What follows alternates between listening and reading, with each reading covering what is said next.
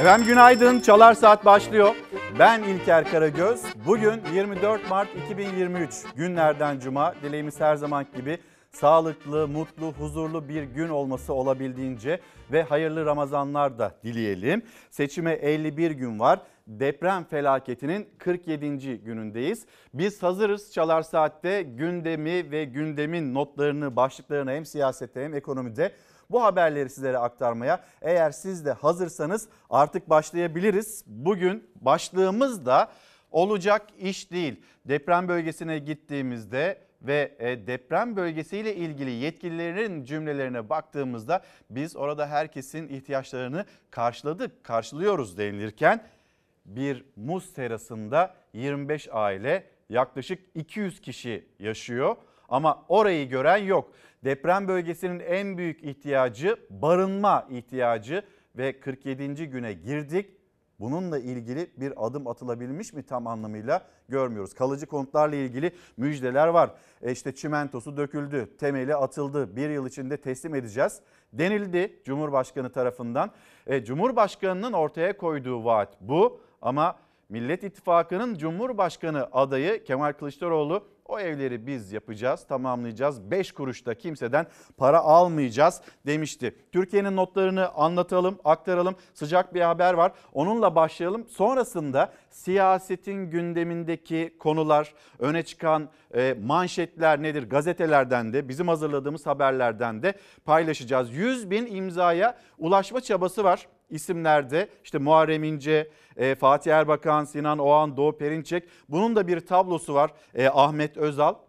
Bu tabloya bakacağız. İkinci gün geride kaldı imza toplamada ama hala 100 bin imzaya ulaşan yok mesela. Bunu da bir değerlendirelim. Aslında size sormak istiyoruz. Olacak iş değil bugünkü başlığımız.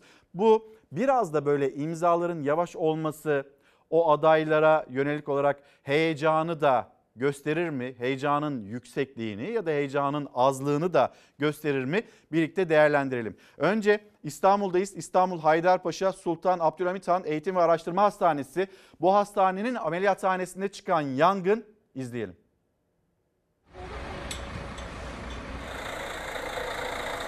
Sabaha karşı hastanenin ameliyathanesinden yükseldi alevler. Sağlık çalışanları hastaları binadan tahliye etmek için zamanla yarıştı. Yangının çıkış nedeni henüz bilinmiyor.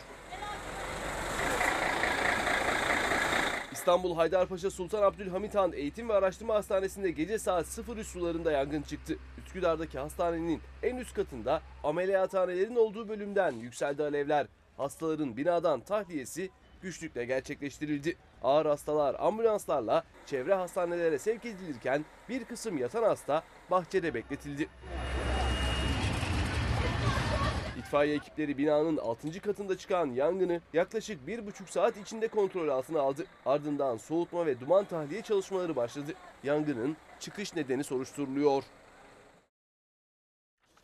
Hemen hep birlikte bir gündem toparlaması yapalım. Deprem bölgesi, deprem bölgesinde arkadaşlarımız ve 47. E, günün notlarını da paylaşacaklar bizimle. Oradaki ihtiyaç listesi e, İçişleri Bakanı Süleyman Soylu'nun işte açıklamalarında hatırlıyorsunuz çay vardı, şeker vardı, kahvaltılık ihtiyacı vardı.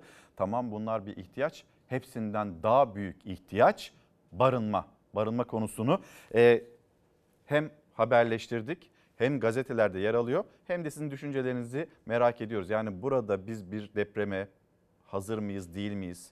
Olası diğer depremlere ne kadar hazırız? Belki bununla ilgili düşüncelerinizi de bizimle paylaşırsınız. İftar çadırları e, dün deprem bölgesinde ilk iftar yapıldı. Tencerede ne kaynadıysa insanlar e, orada gittiler sıcak yemeklerini aldılar.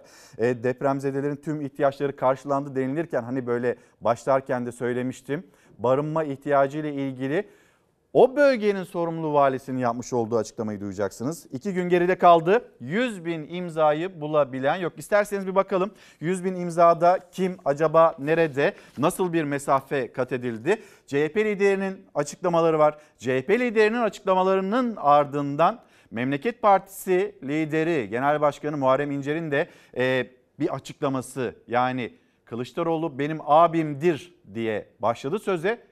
Amalı diye devam ederek nasıl cümlelerini tamamladı bakacağız. Muharrem İnce 51.367 ikinci günün sonunda ulaşmış olduğu imza 100 bine ulaşmaya çalışıyor.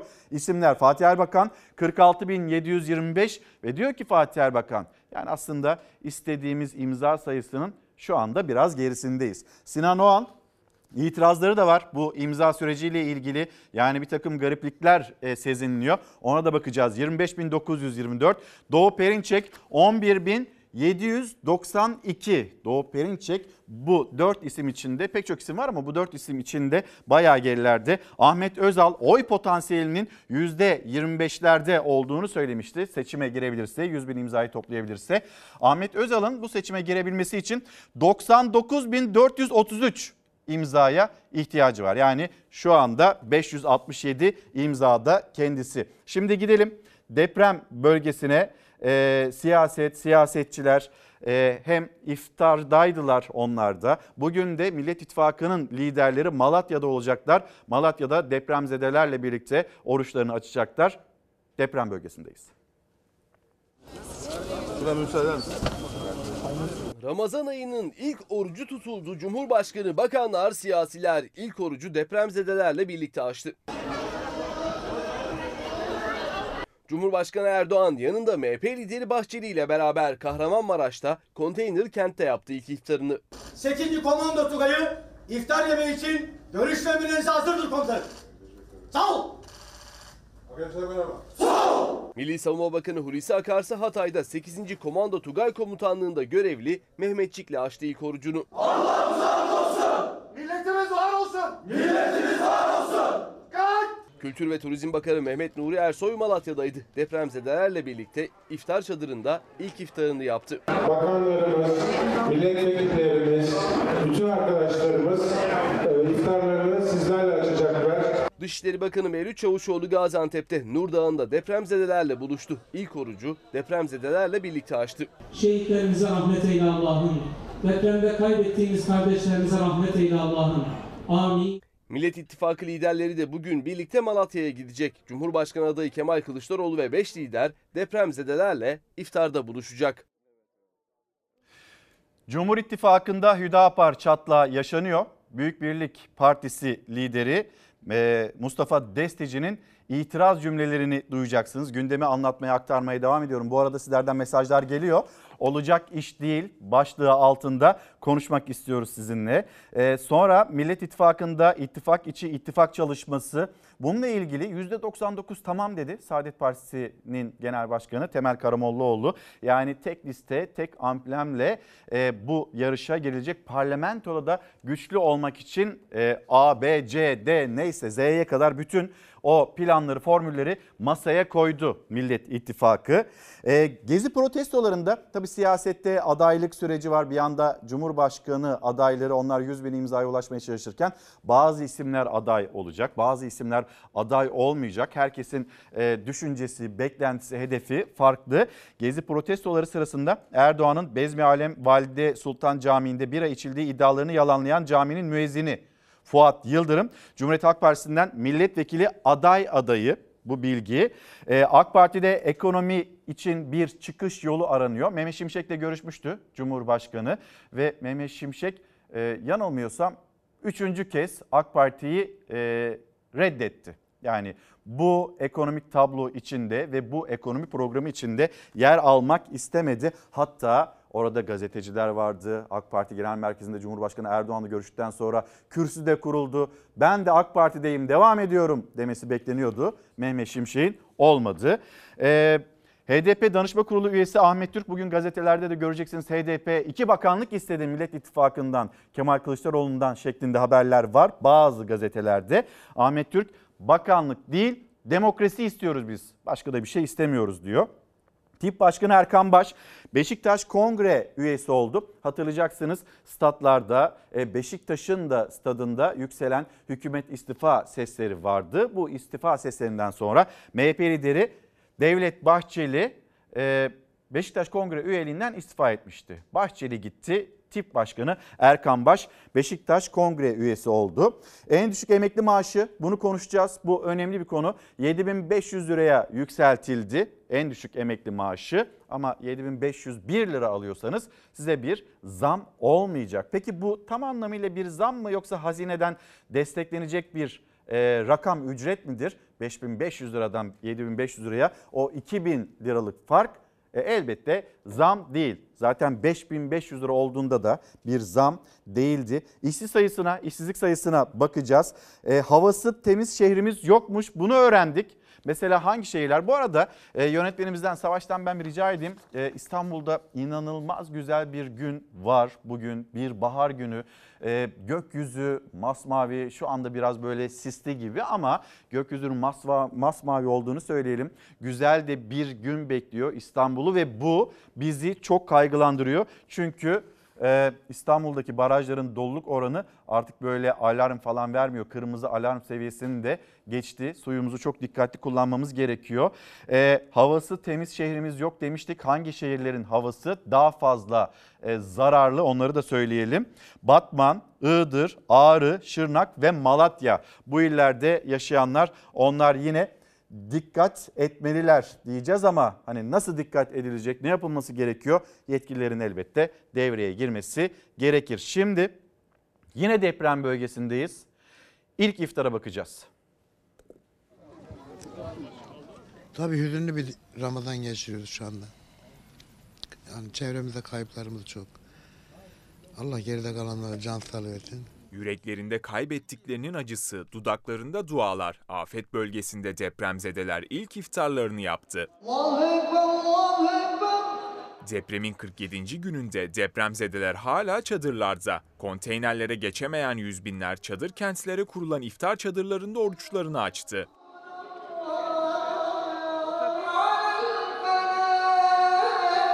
Hatay'ın Kırıkan ilçesinde çadır kente kalan vatandaşlar iftar çadırlarındaydı. Okunan ezanın ardından oruçlarını birlikte açtılar.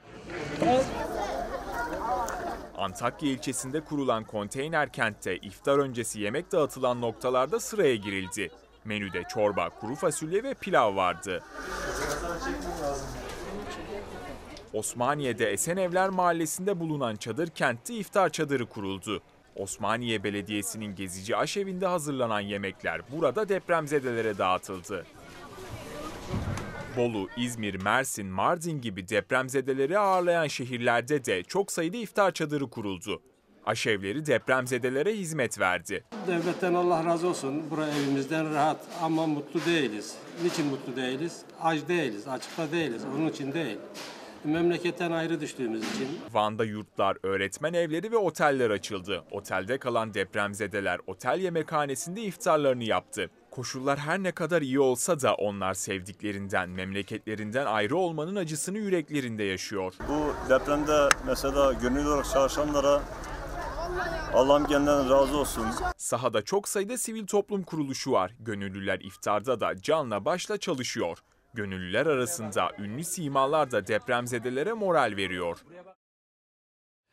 Şimdi olacak iş değil dediğimiz başlık ve o haberi izleyeceksiniz. Hep birlikte yani bir tarafta tamamız, hallediyoruz, çözüyoruz. Hatta ne eksik kaldı ki sözleri, söylemleri. Diğer tarafta 46. günün haberiydi. E 47. gündeyiz. İnsanlar yine aynı sabaha, yine o aynı dertli sabaha uyandı Muz serasında. Korkusuz gazetesinde yer alıyor. Önce e, orucu ne bozarı okuyalım mı? Önce orucu ne bozarı okuyalım. AKP Türkiye'sinde biz de e, Bağımsız Türkiye Partisi lideri Hüseyin Baş'ı hatırlatalım diyor ve onun gibi hatırlatalım diyor Korkusuz gazetesi. Orucu ne bozar?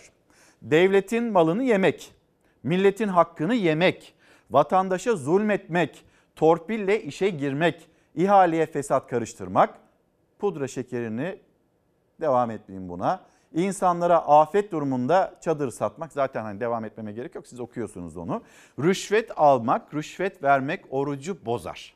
Bir kere bu hatırlatmayı yapalım Ramazan gününde diyor Korkusuz Gazetesi ve Hüseyin Baş. Sonra Muz serasında 200 kişi yaşıyor. Ee, Fox muhabiri Gülşah İnce birazdan yeniden kendisine bağlanacağız ve dün haberleştirdiği o sera. Mahsun Kırmızıgül görüntüleri paylaşıp isyan etti. Hatay'ın Samandağ ilçesinde 200 kişinin yaşadığı muz serasının görüntülerini paylaşarak Mahsun Kırmızıgül yardım istedi.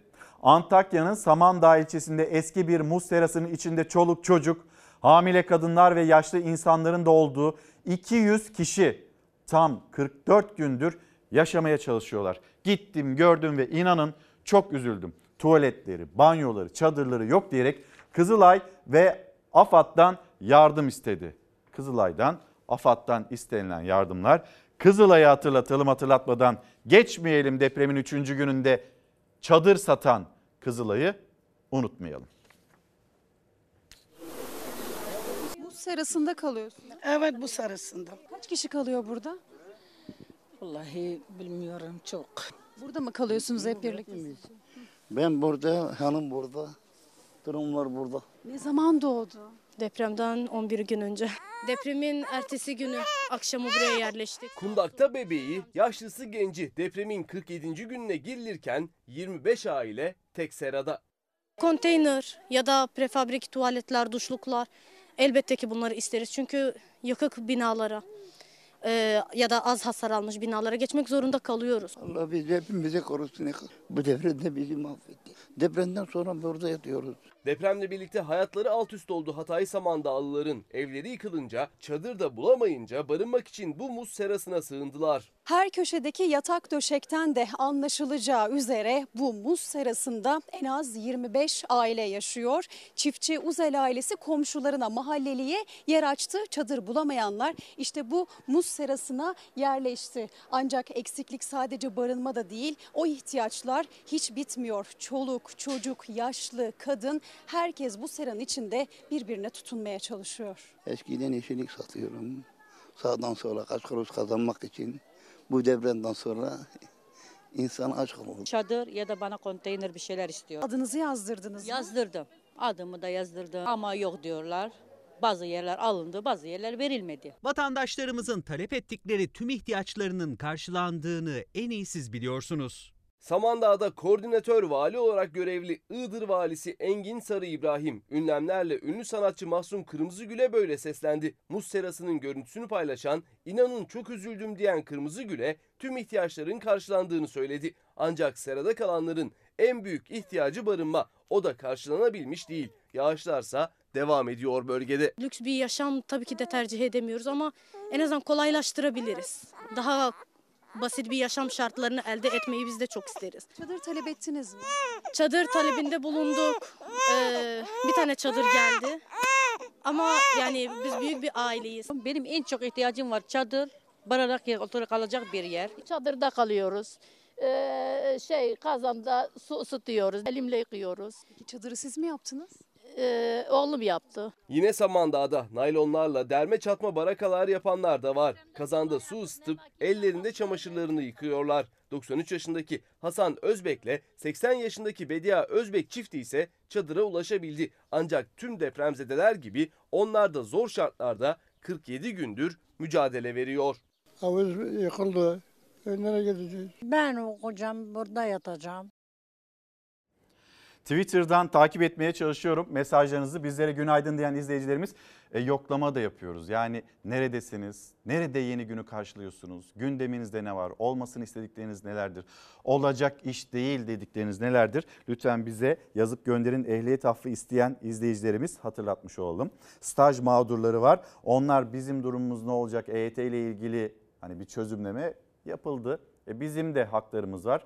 Diyorlar kendilerini hatırlatıyorlar çalışma hayatı ile ilgili. Bugün bir yayın da gerçekleştireceğiz. Disk Başkanı Arzu Çerkezoğlu birazdan çalar saatte olacak. Neyi konuşacağız kendisiyle? Elbette 5500 liradan 7500 liraya yükseltilen en düşük emekli maaşı bunu konuşacağız. Bu bir zam mıdır değil midir? Yine e, değerlendireceğiz kendisiyle. E, Peki işsizlik rakamları, çalışma hayatındaki o pek çok aksaklık SGK platformundan arkadaşlarımızdan ya da büyüklerimizden mesaj gelmiş. SGK çalışanları en düşük memur maaşı ile en yüksek iş yükünü göğüslemeye çalışıyorlar ve iş riski altında eziliyorlar. Eşit işe eşit ücret, tazminat, ek ödeme, ikramiye ve e, taşra uzmanlığını istiyoruz biz. Bir torba yasa çıkamaz mı acaba seçiminde arifesinde hiç akla gelmeyen zamlar yapılabilirken acaba bizimle ilgili de bir düzenleme olmaz mı diye e, sormuşlar. Denklik bekleyen arkadaşlarımız var. Üniversite mezunları yurt dışında eğitimlerini aldılar. Yok gidebilirsiniz dedi. Yurt dışında eğitim aldılar. Döndüklerinde Türkiye'deki mevzuat değişti. A ben şimdi size alamam çünkü mevzuat değişti denildi. E kazanılmış hak ne olacak? Onlarla ilgili bir düzenleme olmayacak mı, yapılmayacak mı hatırlatmış olalım. Yine Twitter'dan, Instagram'dan da Instagram'dan deniyorum ama başaramadım hala o e, videomuzu yüklemeyi. Tekrar tekrar deneyeceğim. Şimdi Twitter'dan takip edeyim. Hatta mesajlarınızı da fotoğraflarınızı da yine buradan da gönderebilirsiniz. Çarşı pazarda karşılaştığınız ilginç etiketler varsa onları yine bizlere ulaştırabilirsiniz. Yine deprem bölgesindeyiz. Bu kez Osmaniye'deyiz. Bir şehit annesi. Nerede yeni günü karşılıyor? Nerede uyuyor? Nerede kalkıyor? Buyurun bakalım.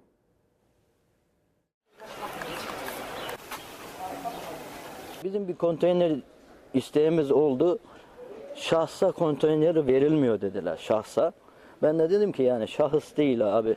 Düz içinde 56 tane toplam şehidimiz var. 33 tane gazimiz var. Eğer önce hani her zaman diyorlardı ya öncelik şehit ailesinin, öncelik gazilerin deniliyordu. Nerede abi? Selver Bezik 85 yaşında ve yatağa bağımlı bir şehit annesi kendisi. O da binlerce depremzede gibi günlerce çadırsız kaldı. Şu an içinde barındığı çadıra da bir üniversite profesörünün devreye girmesiyle kavuştu. Ama aslında konteynere ihtiyacı var. Konteyner talep eden oğluysa başvurduğu her yerden red cevabı aldı. Çadır istedim daha önce. Konteynerden önce çadır istedim. Çadırı bile vermedi bana. Yüzümüze bakan olmadı. Hep geri çevrildik. Daha yok. Tutmuyor tutuyor. Şu bileklerim ayaklarımdan tutmuyor. Gecesi soğuk oluyor. Gündüzü sıcak oluyor. 19 yıl önceydi. Uzman çavuş Ali Bezik, Van'ın Gürpınar ilçesinde teröristlerle çıkan çatışmada şehit düştü. Şehidin annesi Selver Bezik ile kardeşi Salih Bezik'in Osmaniye'nin Düziçi ilçesinde oturduğu ev Kahramanmaraşlı merkezi depremlerde ağır hasar aldı. Burada kamu kurumu ve kuruluş, kuruluşlarından ricada bulundum. Ee, anamın yatalak hasta olduğunu, şehit ailesi olduğunu, şehit anası olduğunu söyledim. Salih Bezik annesinin şehit annesi olduğunu söylemesine rağmen aileye çadır temin edilmedi. Bezik de kendi imkanlarıyla bahçeye derme çatma bir çadır kurmak zorunda kaldı. Günlerce de o çadırda kaldılar. Bir çadır kurduk kendi imkanlarımızda. Bunu da Gaziantep Üniversitesi Profesör Doktor Eldar Bey geldi gözüyle gördü. Burada bir şehit annesi kalamaz dedi. Allah razı olsun bir gün sonra bir çadır gönderdi. Rahatlık konusunda, sağlık konusunda, hi- e, hijyenik konusunda sıfırız. Şehit annesi şimdi profesörün gönderdiği çadırda kalıyor ancak yeterli değil. Çünkü çadırın içi gündüzleri sıcak ve nemli, geceleri ise soğuk oluyor. Hijyen konusu da büyük sorun. Çadırdaki koşullar yatalak bir hasta için uygun değil. Salih Bezik annesi için konteyner talep ediyor. Nerede abi? Nerede? Ben soruyorum yani. Nerede? Herkes bizi kapıdan gönderdi. Nerede? Yetkililerden ben bu anama yani yatalak bir konteyner rica ediyorum. Evladını şehit vermiş bir anne. Ee, pek çok kişi var burada deprem bölgesinde. Herkes e, bir başka mağduriyeti yaşıyor. En büyük mağduriyette barınma ihtiyacı. Ee, devlete vergisini vermiş bir aile, bir kişi, bir çalışan onlar mağdur. Evladını şehit vermiş bir anne, yatalak bir anne kaldığı yeri gördünüz sizler de. Peki biz orada depremzedelerin bütün sorunlarını çözdük demesi ile olmuyor. Bu sözlerle de karın da doymuyor. İnsanların hayatı en azından üzerlerindeki yıkıntı, enkaz bu da kalkmıyor. Birilerinin devreye girmesi gerekiyor. Bir çadıra ulaşabilmeniz için, çadıra ulaşabilmeniz için. Kızılay'ın sattığı çadıra ulaşabilmeniz için birilerinin devreye girmesi gerekiyor. Şehit annesi torpil bulmaya çalışıyor yatalak halde. Şimdi burada bu mesele çözülmüş mü? Depremzedelerin sorunları çözülebilmiş mi acaba? Bu olacak iş midir? Olmayacak iş midir? Memleketimizde yaşadığımız, karşılaştığımız pek çok sorunla birlikte olmayacak bir iş karşımızda. İnsanlara acilen el uzatılması gerekiyor. İnsanların bir an önce barınacak bir yer bulması gerekiyor. Temel atılıyor. Bir yıl sonra verilecek. Şimdi ne olacak? Çamura batan çocuklar onlar ne olacak? Sırılsıklam çoraplarıyla onlar ne olacaklar? Yatalak insanlar, hasta olanlar ne olacaklar onlar? Nasıl her şey çözüldü? Nasıl bütün sorunlar çözüldü? Ne kadar da kolay kuruluyor bu cümleler. E gösterince onları göstermeyin. Devleti zafiyet içinde göstermeyin. Kimsenin böyle bir gayreti yok. Herkes de aslında yardımcı olmaya çalışıyor. Kamu görevi bu. Bizim yaptığımız kamu görevi.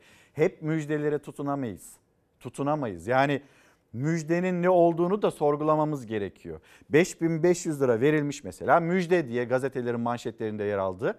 Ee, en düşük emekli maaşı olmuş 7500 lira. Burada ortada bir zam da yok aslında. Müjde 7500 lira oldu. Asgari ücretin altında mı? Evet. Açlık sınırının altında mı? E o da evet. Nasıl müjde? Biz buraya nereden geldik? Biz buraya neden geldik? Enflasyon sebep, işte faiz sebep, enflasyon sonuç. Nurettin Nebati heyecanlandıran bir ekonomi programı. Ya biz bir şey mi yaptık? Evet yaptınız. Evet yaptınız. Şu anda bunun sonucunu yaşıyoruz. Bir şey daha yapılmak istendi. Mehmet Şimşek çağırmak istendi. Yok dedi Mehmet Şimşek. Ben yokum. Devam edelim. Cumhuriyet Gazetesi. Seçim hesapları. Erdoğan 17 bakanı milletvekili yapıyor. Kılıçdaroğlu A takımını kabineye hazırlıyor. Ee, bakanlara dokunulmazlık zırhı geliyor. Kılıçdaroğlu'nun değerlendirmesi de e, bu yönde. Cumhurbaşkanı Erdoğan yardımcısı Fuat Oktay'ı Ankara'dan milletvekili adayı göstereceğini açıkladı. Soylu'nun Kahramanmaraş'tan, Nebati'nin Şanlıurfa'dan, Akar'ın Kayseri'den, e, Adil Kara İsmailoğlu'nun Ulaştırma Bakanı'nın Trabzon'dan, Bozdağ'ın Diyarbakır'dan aday gösterileceği bildirildi. Bekir Bozdağ depremin ilk günlerinde Diyarbakır'a gitmişti ve Diyarbakır'da insanlar da tepki gösterdi. Hani bize yardım edin diye bir sesleniş de vardı ve o kişilere yönelik yine AK Partili bazı isimlerden provokatörler onlar diye bir ses söz duyuldu. CHP'de Engin Özkoç, Selin Sayek Böke, Seyit Torun, Veli Ağbaba, Ahmet Akın gibi isimlerin bakan olmak için milletvekili adaylığına başvurmadığı iddia edildi. Belki bu isimlerden bazıları 2024 yılını yani yerel seçimleri de bekliyor olabilir. Ee, Millet İttifakı'nın adayı Kılıçdaroğlu'nun partisindeki bazı isimlere bakan olacaksınız, projelerinizi hazırlayın dediği konuşuluyor. Şimdi seçim hesapları Cumhuriyet Gazetesi'nde böyle görülürken bir Türkiye Gazetesi'ne bakalım. Yine emekliyi böldüler 83 kişiye bir tuvalet deprem bölgesi haberleriyle devam edeceğiz. Yalnız kritik isimler aday olmuyor AK Parti'den. AK Parti aday adaylığı için 6 bin başvuru aldı. Mehmet Özaseki, Mehdi Eker, Recep Akta, Özgür Çalık gibi önemli isimler adaylık istemedi. Onlar aday olmayacaklar. Türkiye gazetesindeki haber bu şekilde. Cumhuriyet gazetesine geri döneceğiz. Yalnız siyasetteki o seçim e, konusuna bir gelelim. E, imzalarla ilgili kim nerede hangi noktada? Muharrem İnce 51.367, Fatih Erbakan 46.725, Sinan Oğan 25.924, Doğu Perinçek 11.730, e, 792, Ahmet Özal 567. Bakalım şimdi buradaki yarışa. Biz bu kampanyayı 30'un üzerinde bir oyla tamamlayacağız. Seçim ikinci tura kalacak. İkinci turda da %60'ın üzerinde bir oyla Cumhurbaşkanı seçilecek. 14 Mayıs'ta ilk turda %30, ikinci turda %60 oy hedefleyen Cumhurbaşkanlığını kazanacağını iddia eden Muharrem İnce, iki günde henüz 100 bin imzanın yarısına ulaşabildi. İnce'ye verilen imza sayısı 2 günde ancak 51.367 oldu. Kemal Bey benimle görüşmek isterse elbette görüşürüm. Kendisi benim eski genel başkanım ve abimdir. Söyleyeceklerini dinlerim. Muharrem İnce Millet İttifakı'nın Cumhurbaşkanı adayı Kılıçdaroğlu ile görüşeceğini söyledi. Ancak adaylığımı pazarlık konusu yapmam diyerek adaylıktan geri adım atmadı. Ben başka bir siyasi partinin genel başkanıyım ve Cumhurbaşkanı adayıyım. Bu süreçte bütün adaylarla olduğu gibi Kılıçdaroğlu'yla da görüşeceğim.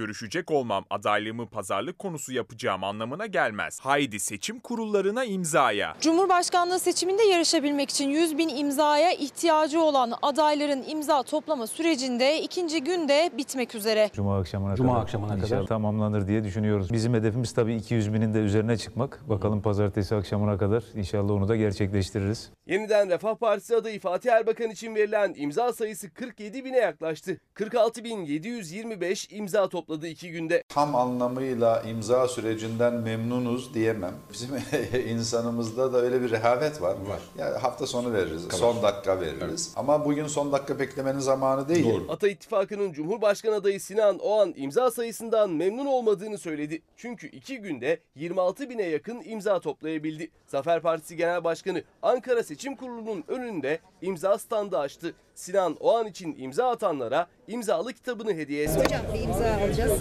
Kime imzalıyorum? Bizim için 100 bin imza toplamak yapılabilecek bir iş. Vatan Partisi Genel Başkanı Doğu Perinçek de henüz 11 binin üzerinde imza toplayabildi. Merhum Cumhurbaşkanı Turgut Özal'ın oğlu Ahmet Özal seçimlerde %25 oy alacağı iddiasındaydı ama iki günde yalnızca 567 imza toplayabildi. Cumhurbaşkanlığı yarışında iddialı açıklamalar yapan bağımsız isimlerden henüz 100 bin imzaya yaklaşabilen olmadı.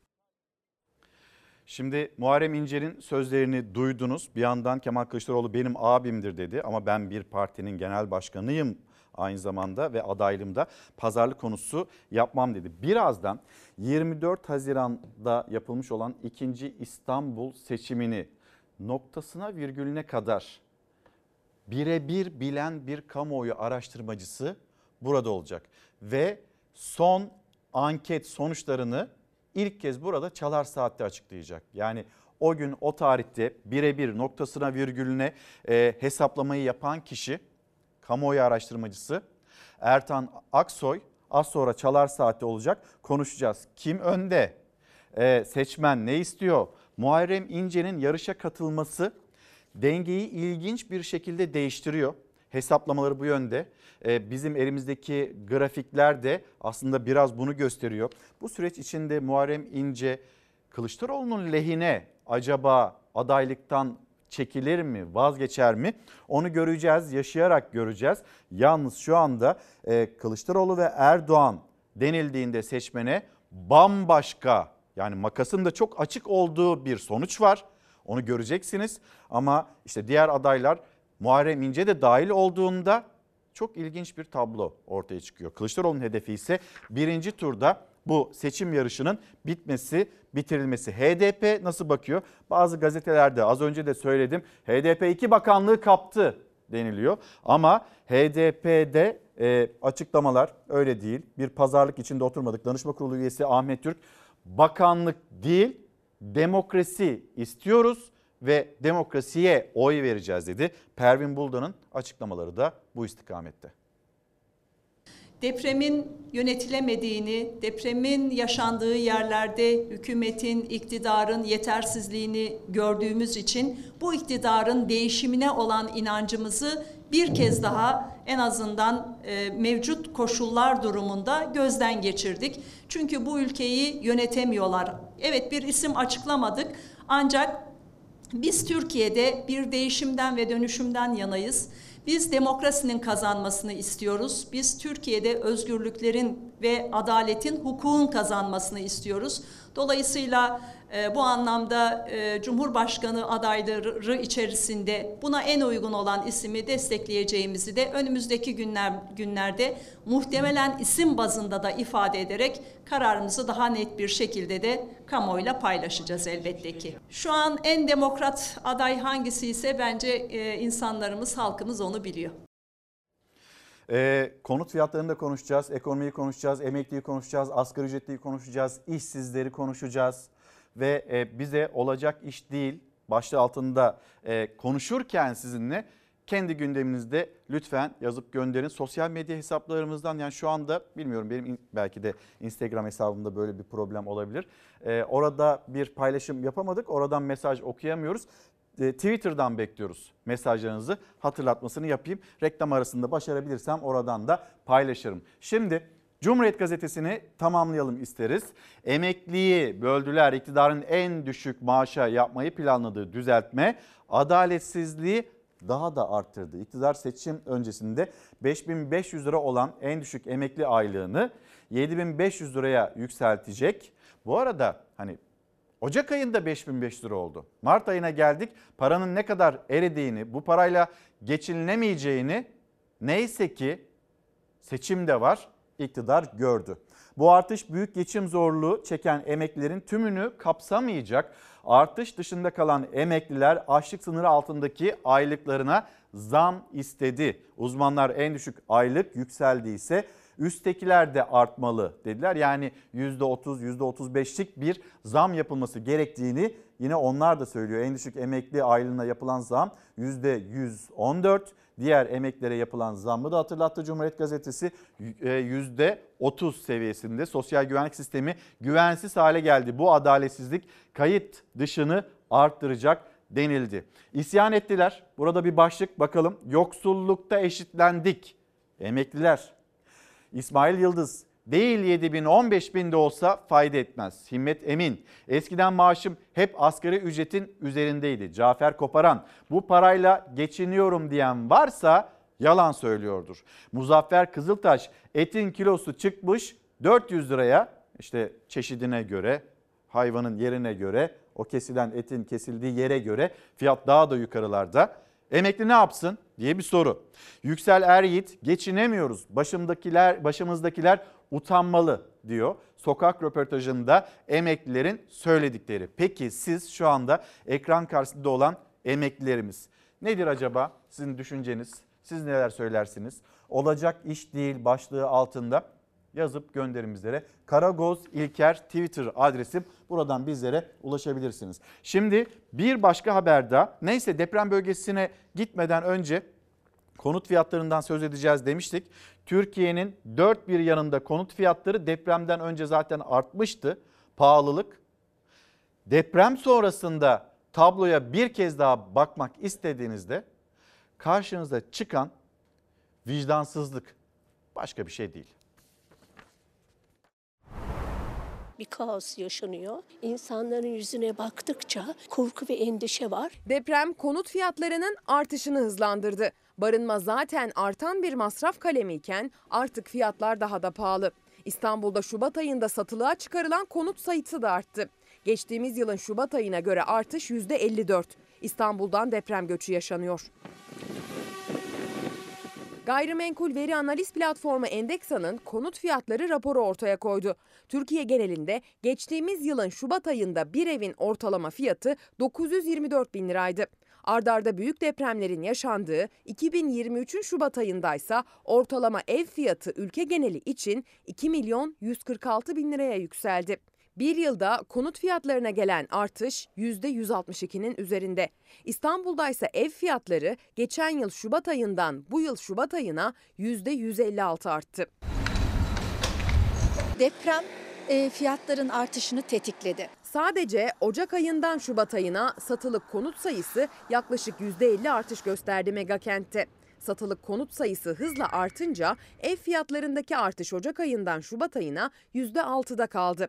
Ancak bir yıllık farka bakınca konuttaki fiyat artışı hala dudak uçuklatıyor. Villa fiyatları %100'e varan bir şekilde çıktı. 45 yıllık binada oturuyorum. Güvenmek zorundayız, mecburuz. Keşke çıkabilme imkanımız olsa, keşke izolatörlü apartmanlarımız olsa Japonya'dakiler gibi. İmkan meselesi. İstanbul'da satılık konut sayısındaki artış adalarda %79, Şile'de %75, Beykoz'da %72, Bakırköy'de %66, Büyükçekmece'de ve Kadıköy'de %60, Beşiktaş'ta ise %59 oldu. Kiralamayı bekleyen konut sayısı ise azalma eğiliminde. Örneğin Çatalca'da kiralık ev miktarı depremden sonra 5'te 1 oranında azaldı. Enes Bey günaydın. Siyasetle ilgili Muharrem İnce'yi çok seviyorum ama bu seçimde aday olmamasını istiyorum demiş. Böyle bir mesaj. Ee, günaydın sizi izliyoruz demiş izleyicilerimiz. Şimdi Instagram'dan ben paylaşımı yapamayınca bir önceki paylaşıma gelen mesajları e, okumaya gayret ediyorum. Ee, sonra benim maaşım 5100 lira siz 5500 lira diyorsunuz.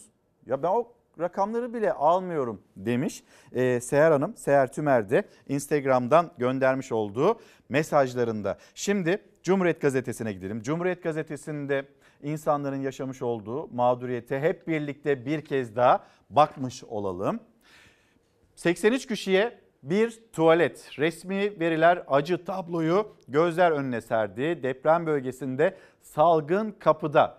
E, Cumhuriyet Gazetesi buna dikkat çekiyor. 50 binden fazla insan hayatını kaybetti. Bir yandan enkaz başında hala e, yakınlarından haber almayı dileyen, onların cenazelerini alabilmek için bekleyen insanlar var. E, işte çadır kentler kuruldu. Çadır kentlerde de yaşanılan en büyük sorun hijyen meselesi. Biz tüm sorunların üzerindeyiz, tüm sorunları çözüyoruz denilmesinin ötesinde işte böyle bir problem var. 83 kişiye bir tuvalet düşüyor çadırların olduğu yerde bölgede. Şimdi Medeniyetler Korosu diyeceğiz. Medeniyetler Korosu Hatay'ın kadim topraklarından doğan ve depremde 7 üyesini kaybeden bir koro. Antakya Medeniyetler Korosu.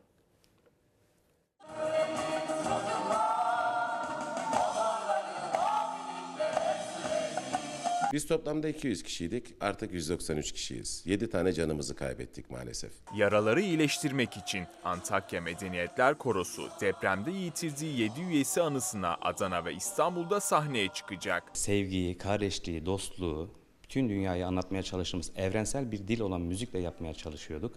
Şimdi yaralarımızı yine evrensel bir dil olan müzikle yapmaya başladık. Kaybettiğimiz arkadaşlarımızın anısına söyleyeceğiz. Medeniyetler arasında köprü oluşturmak amacıyla 2007 yılında kuruldu Antakya Medeniyetler Korosu. Bugüne kadar her düzenledikleri konserde farklı dil, din ve etnik kökene sahip üyeleriyle dünyaya barış ve hoşgörü mesajları verdi.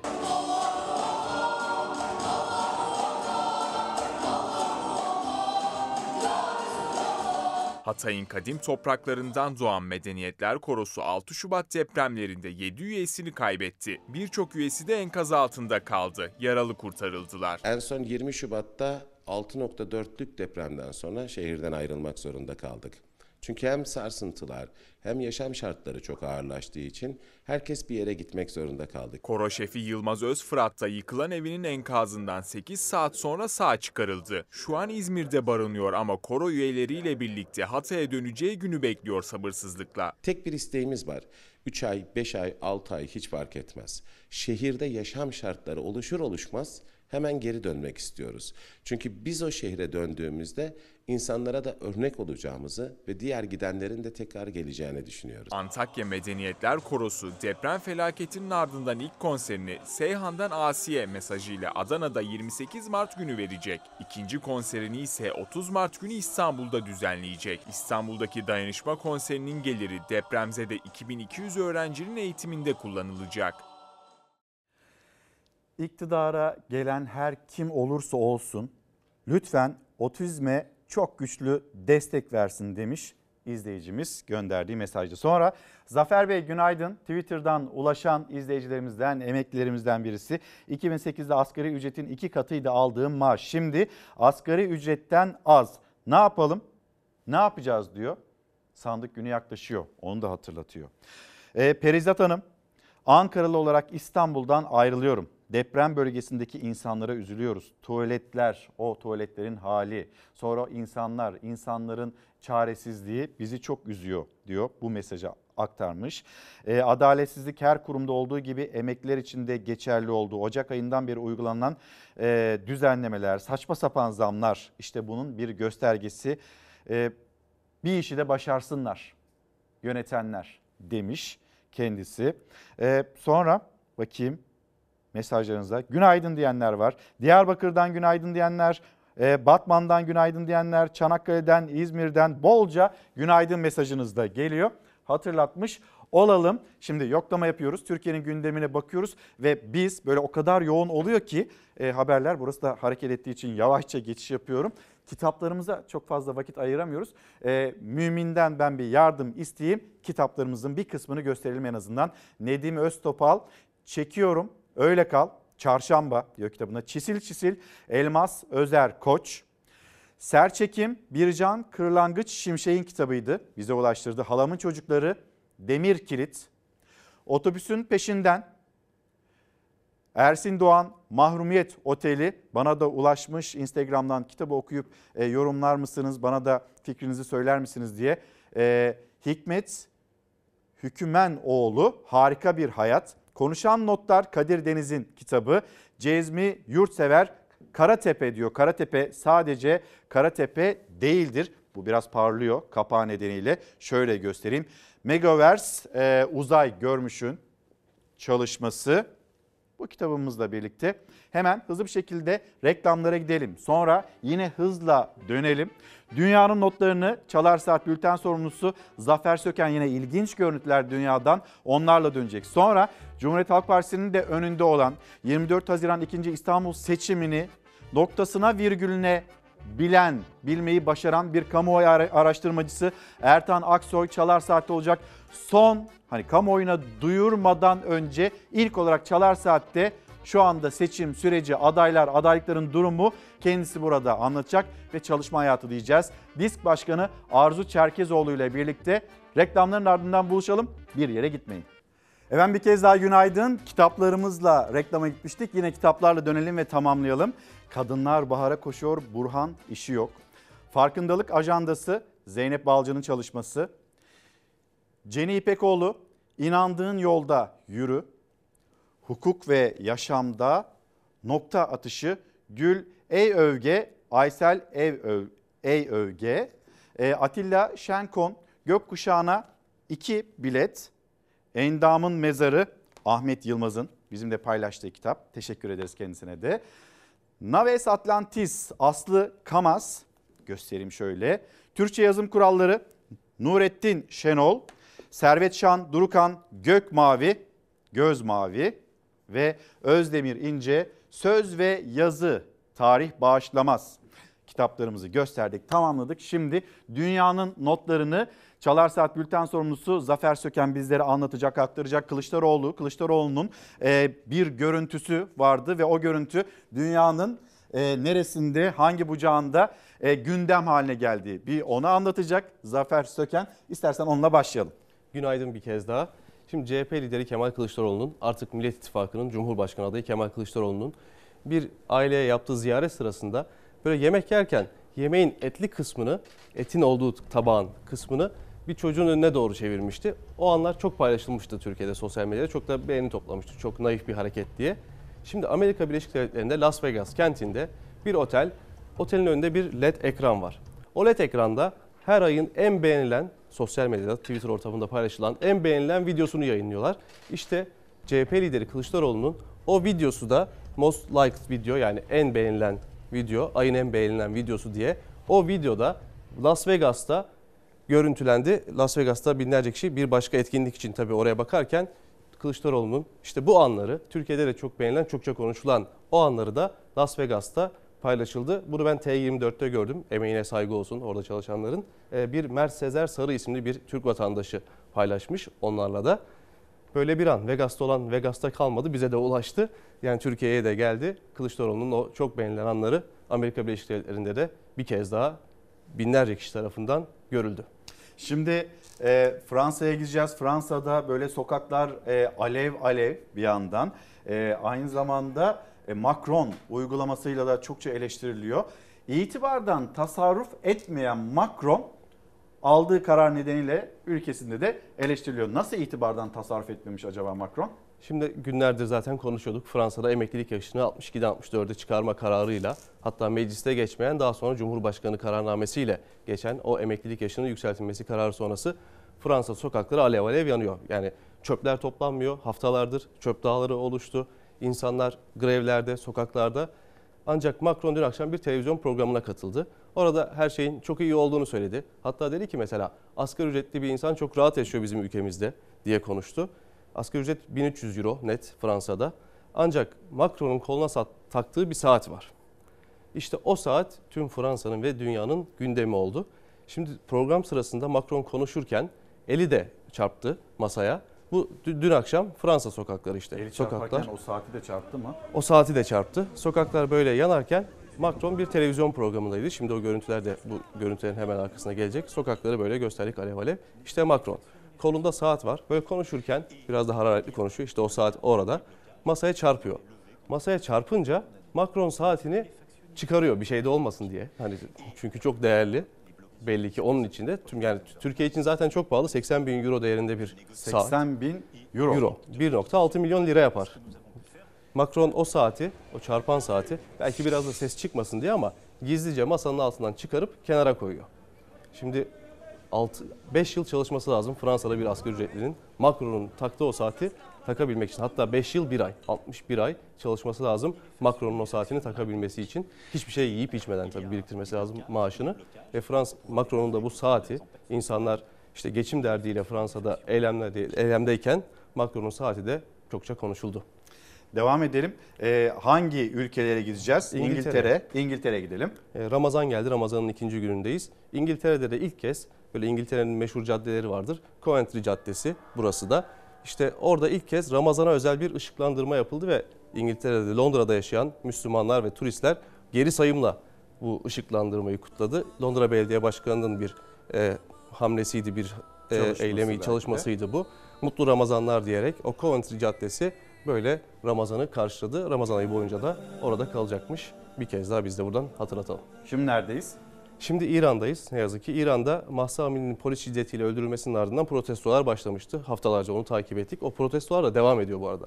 Bitmedi. Yani belki biraz daha alevi söndü ama yine de devam ediyor. 8 Mart'ta 5 genç kız, İranlı bu 5 genç kız Nijeryalı, sanat, Nijeryalı bir rapçiye ait şarkıyla beraber dans ettikleri bir videoyu paylaştılar. Tabii videoyu paylaşınca İran rejiminde işte kılık kıyafet kurallarına ve başörtüsü kurallarına uymadıkları gerekçesiyle bu 5 kız tutuklandı. Ve daha sonra rejim bu kızları bu dans ettikleri yere götürüp özür diletti.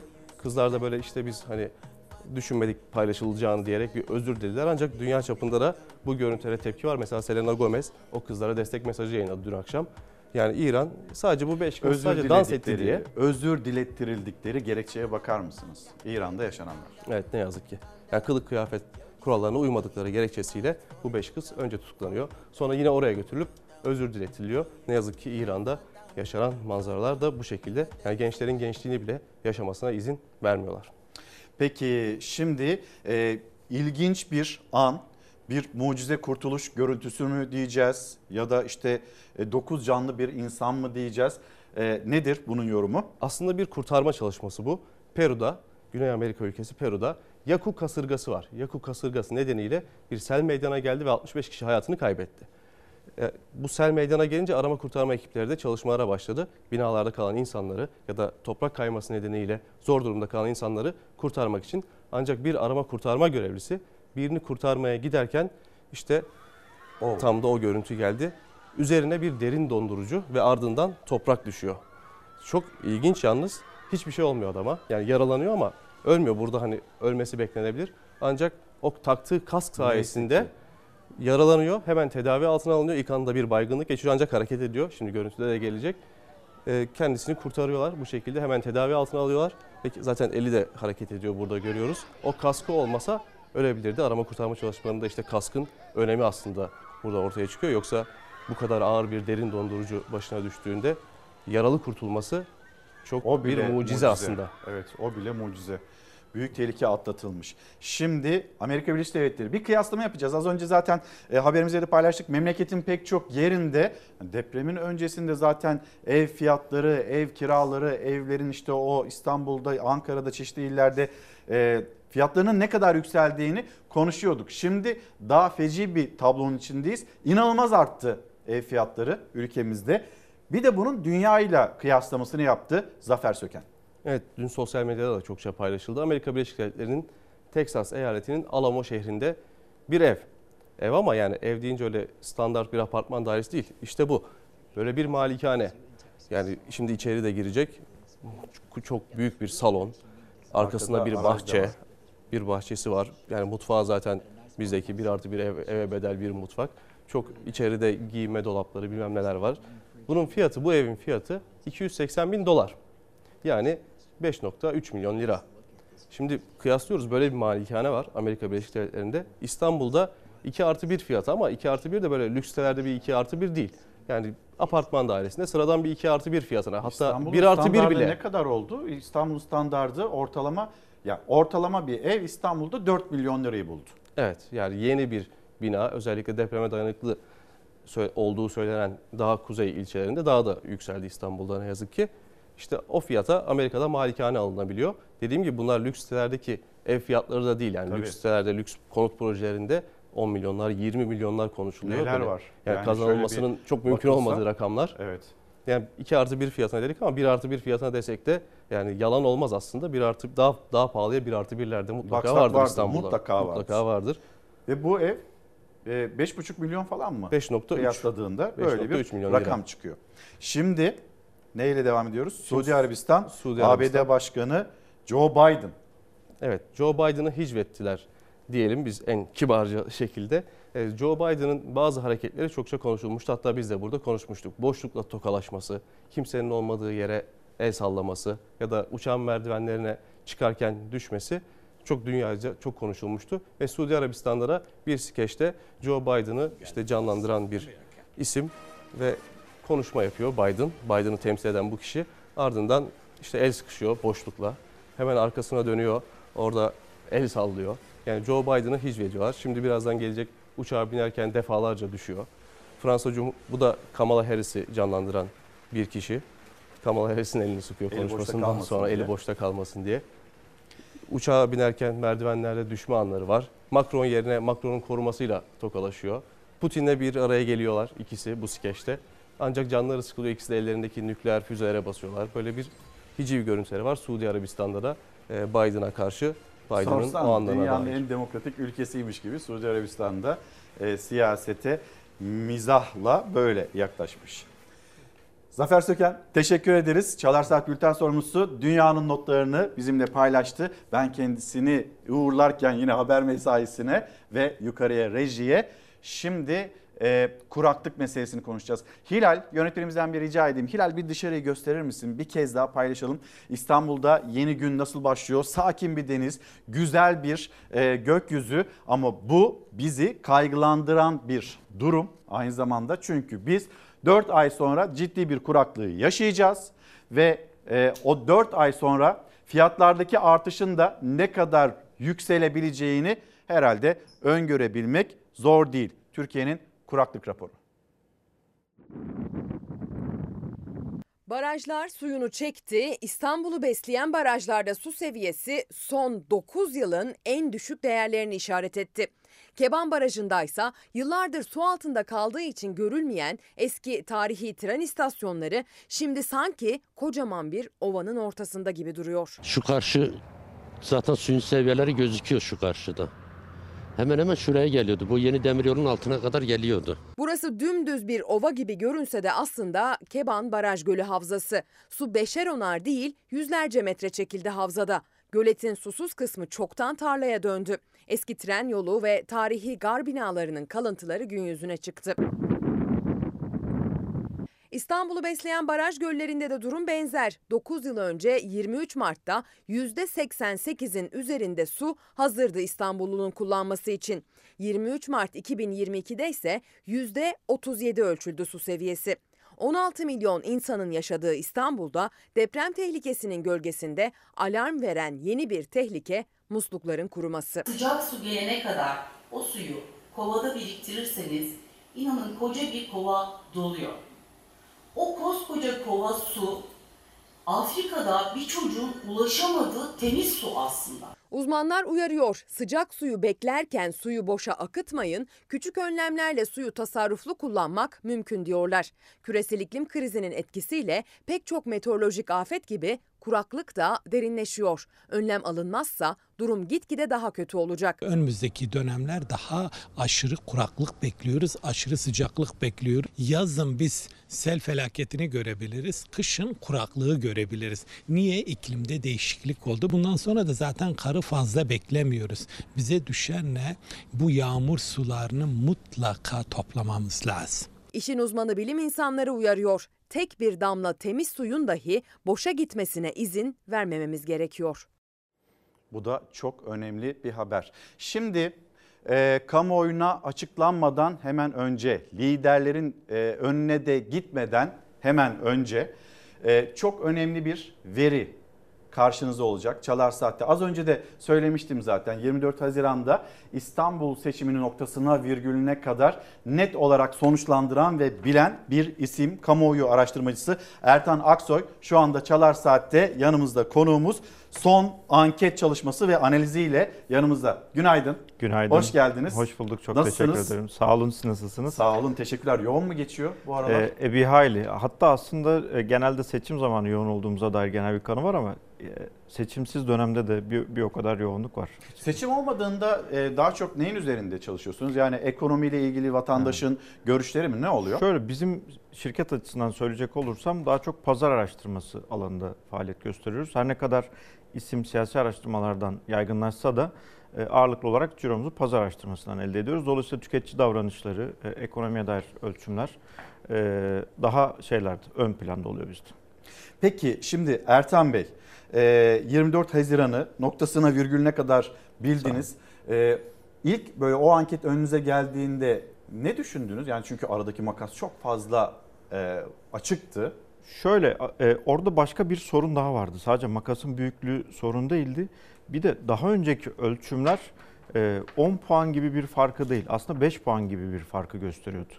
Bir anda e, aradaki bir 5 puan daha artmış oldu. Neden? Çünkü e, o dönem hatırlarsınız seçime birkaç gün kala e, TRT'de Öcalan'ın e, şey e, mesajı e, yayınlanmıştı. E, dolayısıyla onu eğer biz biz o süreçte mesela perşembe günü akşam yayınlanmıştı. Biz de perşembe günü sabah analizimizi bitirmiştik. Yayınlayacaktık, cuma yayınlayalım demiştik. Gece bu mektup düşünce örneklemi revize etme ihtiyacı hissettik. Yeniden teyit e, için. Eğer onu yapmasaydık 5 puan yanılmış olacaktık. Bunu şu nedenle söylüyorum bir hak teslim olsun diye. Yerel seçimler öncesi aradaki farkı 5 puan olarak tahmin eden her şirket aslında doğru bildi. Yani meslektaşlarıma da haksızlık olsun istemem. Sadece bu şey, e, bu travmatik durum bir anda oyu daha da sıçrattı.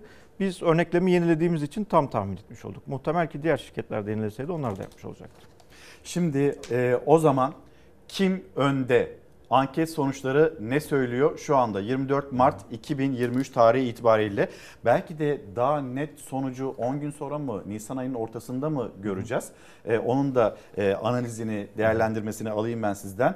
Ama şu anda e, elinizdeki veriler size bu yarışla ilgili Cumhurbaşkanlığı yarışı ile ilgili parlamento seçimi e, işte o sandalye çoğunluğu ile ilgili neyi söylüyor? Hı hı. Şimdi şöyle e, aslında söylediğin şey çok önemli. Daha net sonucu nerede göreceğiz sorusu. E, tam sonucu şurada göreceğiz. Bütün adaylıklar kesinleştikten sonra yaptığımız ölçümler bize tam sonucu verecek. Şu nedenle söylüyorum. Örneğin İyi Parti kurulmadan önce e, bizim şirketin ölçümlerine göre %23'e kadar oy alma potansiyeline sahipti. Yani insanlar Sayın Akşener parti kursa oy veririm diyenlerin oranı %23'lere kadar çıkıyordu. Ama kurulduktan sonraki hiçbir ölçümde biz %14'ün üzerinde bulmadık. Bu sadece İyi Parti özgü bir durum değil. Kurulması planlanan birçok partide karşılaştığımız bir durum. Şimdi dolayısıyla e, adaylar potansiyelken tam ölçemeyebiliyor e, araştırmalar. Çünkü aynı bu şekilde olduğu gibi bir denek kirliliği e, olarak ifade ediliyor sektörümüzde. E, bir denek kirliliğine maruz kalabiliyor. Ama adaylar netleştikten sonra yani bu e, özellikle imza toplamaya çalışan adayların imzayı tamamladıktan sonraki tablo netleşince o sürede yasal sürede dolunca tam artık kaç aday varsa onunla yaptığımız ölçümler bize en doğru sonucu verecektir. Bu durumda şimdi imza toplayan isimler var. Muharrem İnce, Fatih Erbakan, Sinan Oğan, Doğu Perinçek evet. ya da işte liste uzayıp gidiyor. Ee, onlar için de 27 Mart hani 100 bin imzayı da toplamaya çalışıyorlar. 27 Mart son gün olacak. E, bu isimler arasında 100 bin imzayı bulacak olan var. Belki de bulamayacak olan da Mutlaka. var. E, o süreç tamamlandıktan sonra aslında yani net evet. olarak karşımıza adaylar Kaç çıktığında... Kaç aday varsa e, bu adaylar kesinleşti. Bunlardan hangisine oy verirsiniz sorusu bize şey verecek, e, tam sonucu verecek. Ama bugünküler de e, yanlış anlamına gelmesin. Şu, çünkü şu an biz kesinleşmiş adaylar üzerinden e, ölçüm yapıyoruz.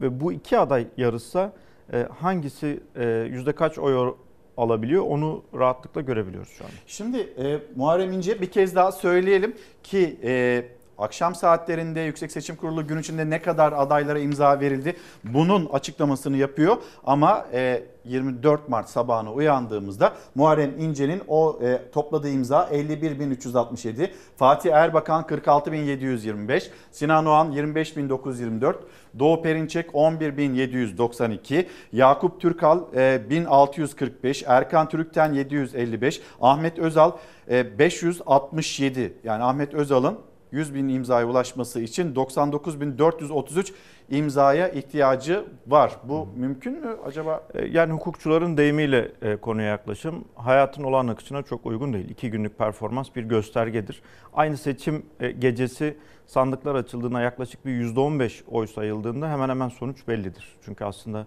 o da bir bakıma bir örneklem ve güçlü bir örneklem oluşturuyor. Burada da iki günlük performans geri kalan günler için önemli bir işaret oluşturuyor. Çok zor. E, iki günlük performansa baktığınızda bu isimlerden 100 bin imzayı bulamayacak ola var mıdır? Nedir öngörünüz? Ee, yani belki Sinan Oğan da e, şey yapamayabilir. E, bu iki günlük performanstan yola çıkarak e, zorlanabilir veya yüksek olasılık ki toplayamayabilir. Ama ben hem Sayın İnce'nin hem Sayın Erbakan'ın e, toplama olasılığının olduğunu düşünüyorum açıkçası. Özellikle hafta sonu da e, bu imkanı verdiği için, e, imza atma imkanı verdiği için hafta sonlarında işe gitmeyen yurttaşlar belki biraz daha fazla artırabilir. Bir hafta sonunu görmeden konuşmak erken olabilir açıkçası. E, bu aynı zamanda yani iki günlük performans e, o adaylara yönelik ilgiyi de gösterir mi? E, mutlak gösterir. Örneğin e, hatırlayacak olursanız Sayın Akşener e, süreç başladıktan kabaca bir 4 saat sonra bu 100 bin imzayı geçmişti. Bu aslında bir bakıma şunu da gösteriyor. E, teşkilatlanabilme kapasitesini de gösteriyor. Çünkü e, örgütlülük içerisinde olan, teşkilatlanma içerisinde olan yapılar bu konularda daha dinamik hareket edebiliyor ve daha e, güçlü bir sonuç alabiliyor. Bu bir bakıma e, lider ve partisi arasındaki farkı da hissettiriyor aslında. Siz şimdi iki isim üzerinden bir e, sonuca vardınız. Tabii. Sonra muhtemel isimler üzerinden de bir sonuca vardınız. Bunun bir analizi de var. E, hep birlikte dinlemek istiyoruz. Önce e, tekrar söyleyelim. Hem liderlerin hem de kamuoyunun önüne gelecek olan, duyurulacak olan o anket e, Ertan Aksoy'un yapmış olduğu o anket şu anda Çalar Saat'te ilk kez e, kamuoyuna duyuruluyor. Doğru Evet, mu? İlk kez e, sizin programınızda paylaşmış oluyoruz. Tabii çok kıymetli bir program, kıymetli bir kanal. Başına da çok iş geliyor. Bir şey daha gelmemesi adına künyeyi vererek başlayalım Lütfen isterseniz. rütük kurallarına uyarak. Evet. e, araştırma %95 güven aralığında %2,5 hata payıyla 1537 örneklemle yapıldı. TÜİK'in NATS 2 illeri e, içerisinde yer alan 26 ilden e, örneklem çekildi ve e, 20-21 Mart tarihleri arasında e, sağ süreci tamamlandı. Şirketimizin öz finansmanıyla karşılandı.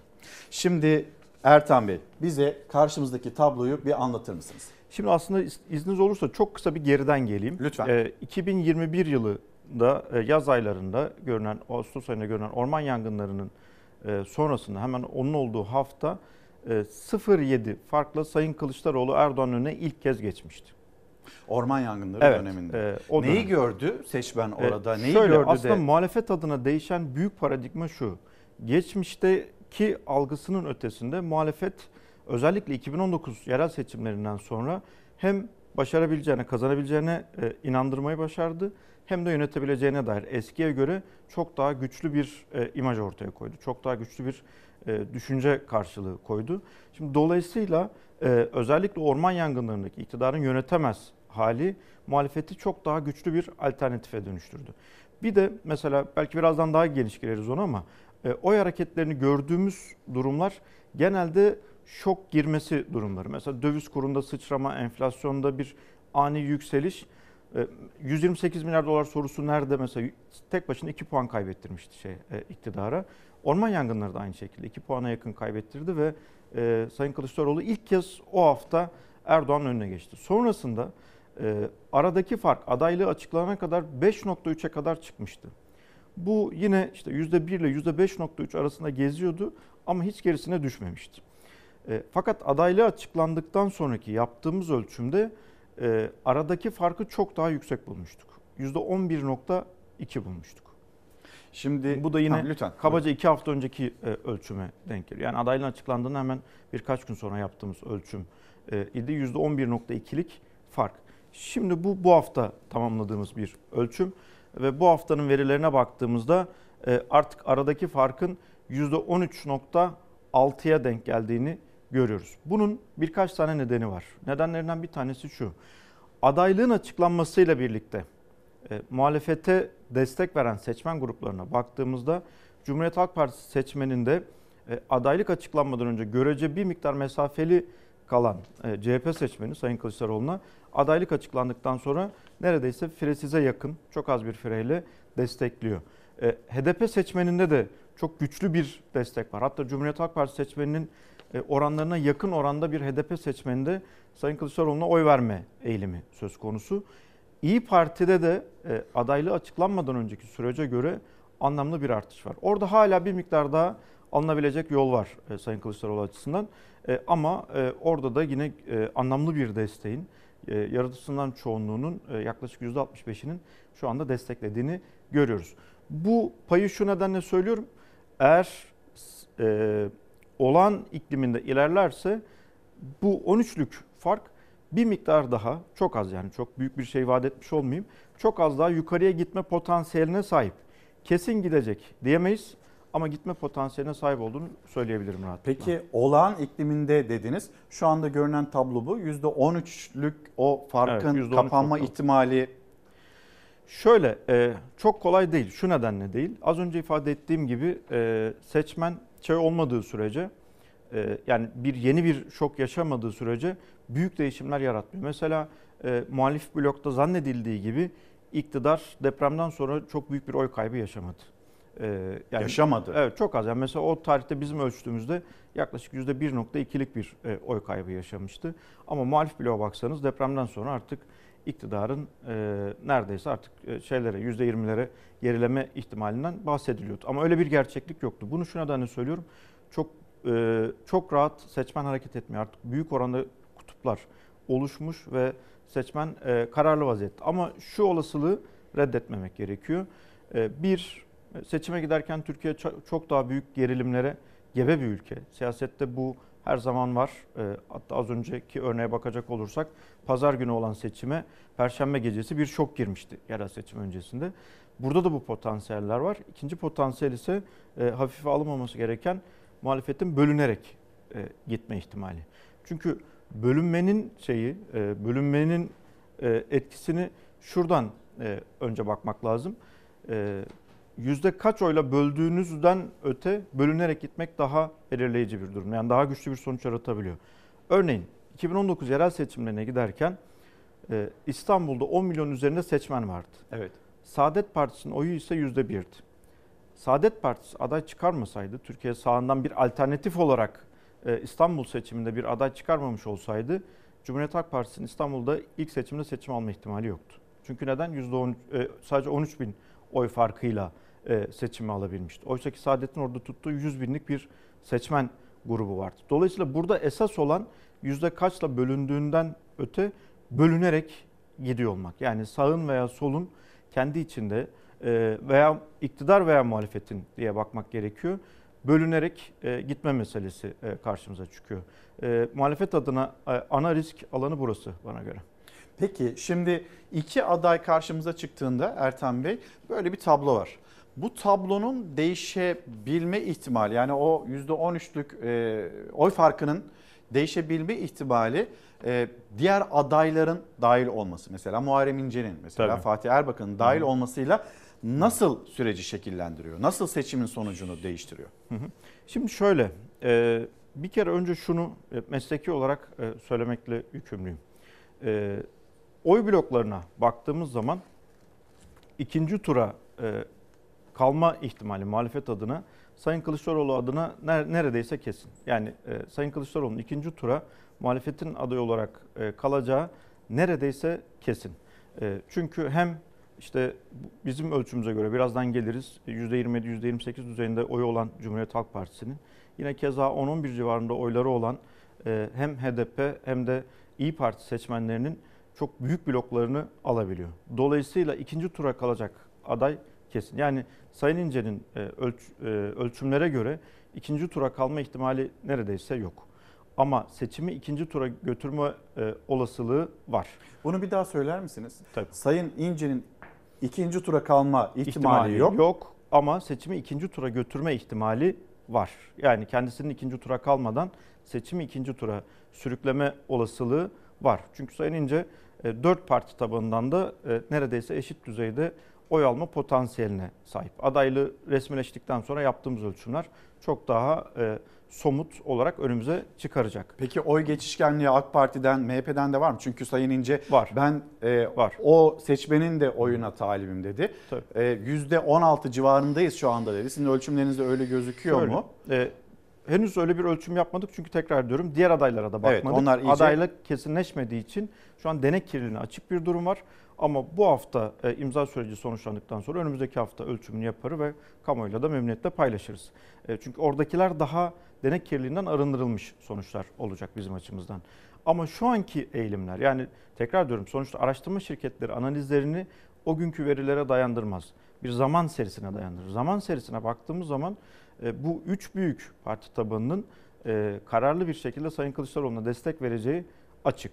Dolayısıyla ikinci tura onun kalacağı açık. Ama e, muhalif bloğun bölünerek gitmesi halinde ki Sayın İnce gibi e, güçlü bir figürle bölünerek gitmesi e, hal, e, halinde ikinci tura kalma olasılığı da bir o kadar yüksek. Yani Ve e, takdir edersiniz ki ikinci turlar her zaman çok fazla sürprize gebedir. Yani 7 Haziran'la 1 Kasım'ı da e, biraz da aradaki mesafe uzun olan bir ikinci tur olarak düşündüğümüzde 2015 senesindeki birçok başka risklere, başka sonuçlara gebe olduğu açık açıkçası. İlginç bir raporlama. Yani şu anda iki isim üzerinden bakıldığında Kılıçdaroğlu'nun %13'lük bir oranla önde olduğu ama işte diğer isimler Muharrem İnce, Fatih Erbakan bu isimler de e, yarışa girerse seçimin ikinci tura kalacağı ama ikinci tura kalacak olan diğer e, yani isminde Kılıçdaroğlu olduğu açık. Evet. Yani gözlem ikinci bu tura şu anda. şu anki veri e, bize şunu gösteriyor. İkinci tura kalması halinde neredeyse kesin diyebileceğimiz bir durumda Kılıçdaroğlu kalıyor. Sayın Kılıçdaroğlu kalıyor. E, ama ikinci tura mutlak kalacak diyemesek de kalma olasılığının anlamlı bir e, oranda olduğunu söyleme ihtiyacı hissediyorum. Bölünerek gitmesi halinde. Şimdi bir de bu pazar bir milletvekili seçimi olsa hangi partiye oy verirsiniz? Ee, kararsızlıklar dağıtıldıktan sonra Evet, kısmı da var. sonra. Karşımızdaki tablo. Evet şimdi burada e, AKP'nin bir önceki ölçüme göre yaklaşık %1 oyunu arttırdığını görüyoruz. Bir önceki ölçümümüzde %30.9'du e, bu oran. %31.9'a geldiğini görüyoruz. Cumhuriyet Halk Partisi'nde bir e, iki hafta önceye göre 0.6 düzeyinde bir gerileme var. E, ama buna rağmen %27.8 e, oyu e, mevcut. E, İyi Parti aslında bu masadaki müzakere süreci. Ben o süreci herkes kriz olarak yorumlasa da ben o süreci bir normalleşmenin ilk adımlarından biri olarak görüyorum açıkçası. Çünkü 20 yıldır yaklaşık siyasette müzakere yok. E, Daha fazla aslında talimatlar üzerinden ilerleyen bir siyaset var. Yani siyasetçilere baktığınız zaman Cumhurbaşkanımızın talimatıyla orman yangını söndüren söndürdük diyen siyasetçilerle karşılaşıyorsunuz. Oysa ki siyasetin doğası bu değil. Siyasetin özü itibariyle bir müzakere işi, e, bir ikna meselesi. Ve bu süreç ilk ikna turlarını bize gösterdi. Bana göre Türkiye'nin normalleşmesinin işaretlerinden biriydi.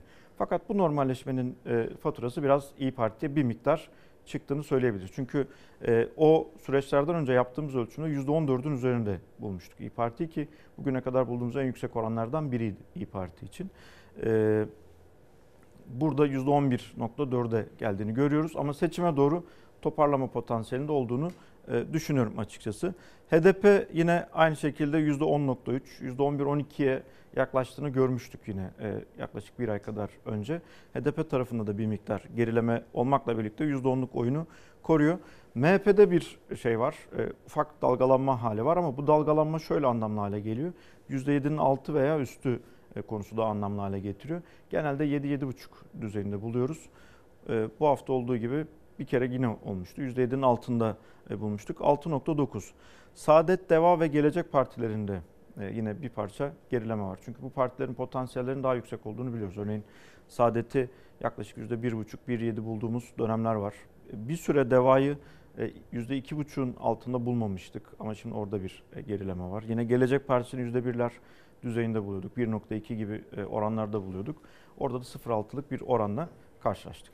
Bu üç partinin e, ittifak içinde ittifak yapması E, o başka bir potansiyeli e, yaratıyor. E, çünkü bir sağ blok e, oluşturuyorsunuz ve o sağ blok olması halinde bu kez işte başta AKP seçmeni olmak üzere diğer seçmenlere erişebilme potansiyeli var. Fakat yine aynı notu düşme ihtiyacı hissediyorum. Bu dönemki ölçümler bu alanda da yine denek kirliliği potansiyelini taşıyor. Çünkü bu ittifak ilan edilirse biz ancak yüzde kaç alacağını e, anlayabiliyoruz. Böyle bir ittifak kurulsa oy verir misiniz sorusunda e, bugünkü gerçeğin üstünde e, oranlarla karşılaşılıyor orada da. Peki şimdi e, son sorum da olsun. Seçmen yani depreme bakıyor, depremde işte yaşananlar ve e, depremin AK Parti'ye çok fazla e, oy kaybettirmediğini de Hı hı. e, görüyoruz. Yani sizin analizinden analizinizden böyle bir sonuç çıkıyor. Seçmen neye bakıyor? Mesela vaatlere mi bakıyor, ekonomiye mi bakıyor, neye bakıyor? Mesela işte emekliye yapılmış olan seyyanen 2000 liralık en düşük emekli maaşına yapılmış olan e, 2000 liralık artış nasıl bir davranış değişikliği yaratır? Şimdi şöyle bugünkü durumda e, gelecek seçimin sonucunu belirleyecek olan yoksullaşma hali. Seçmen içinde bulunduğu yoksullaşma haline bakıyor. E, özellikle altını çizmek istiyorum. Yoksul seçmende bir anlamlı oy kaymasıyla karşılaşmıyoruz. Ama yoksullaşan orta, orta üstü ve üst gelir grubundaki seçmenlerde anlamlı bir oy hareketliliğiyle önceki seçimlere göre karşılaşıyoruz. Çünkü bunlar e, sahip olduğu refah düzeyini kaybetmiş ve kendi e, sınıfsal gerçeğin ötesinde bir yaşama sahip. Yani nitelikli mesleklere mensuplar, hatta belki havalı ünvanlara sahipler ama bugün e, düne göre satın alma gücünü çok büyük oranda kaybetmiş ve yoksullaşmış. Ana sorun burada. E, yine ana sorunlardan bir tanesi e, gıda enflasyonu üzerinden e, alım gücünü büyük oranda kaybediyor olması. Çünkü e, özellikle üst gelir grubunu çıkardığınızda harcama sepeti içerisinde gıda yüksek bir paya sahip. Oysa ki şu anda e, ölçümlere göre e, yıllık enflasyon yaklaşık %55, gıdada ise bu %69'a varıyor. Ve bildiğim kadarıyla dünyanın en yüksek gıda enflasyonu şu an Türkiye'de.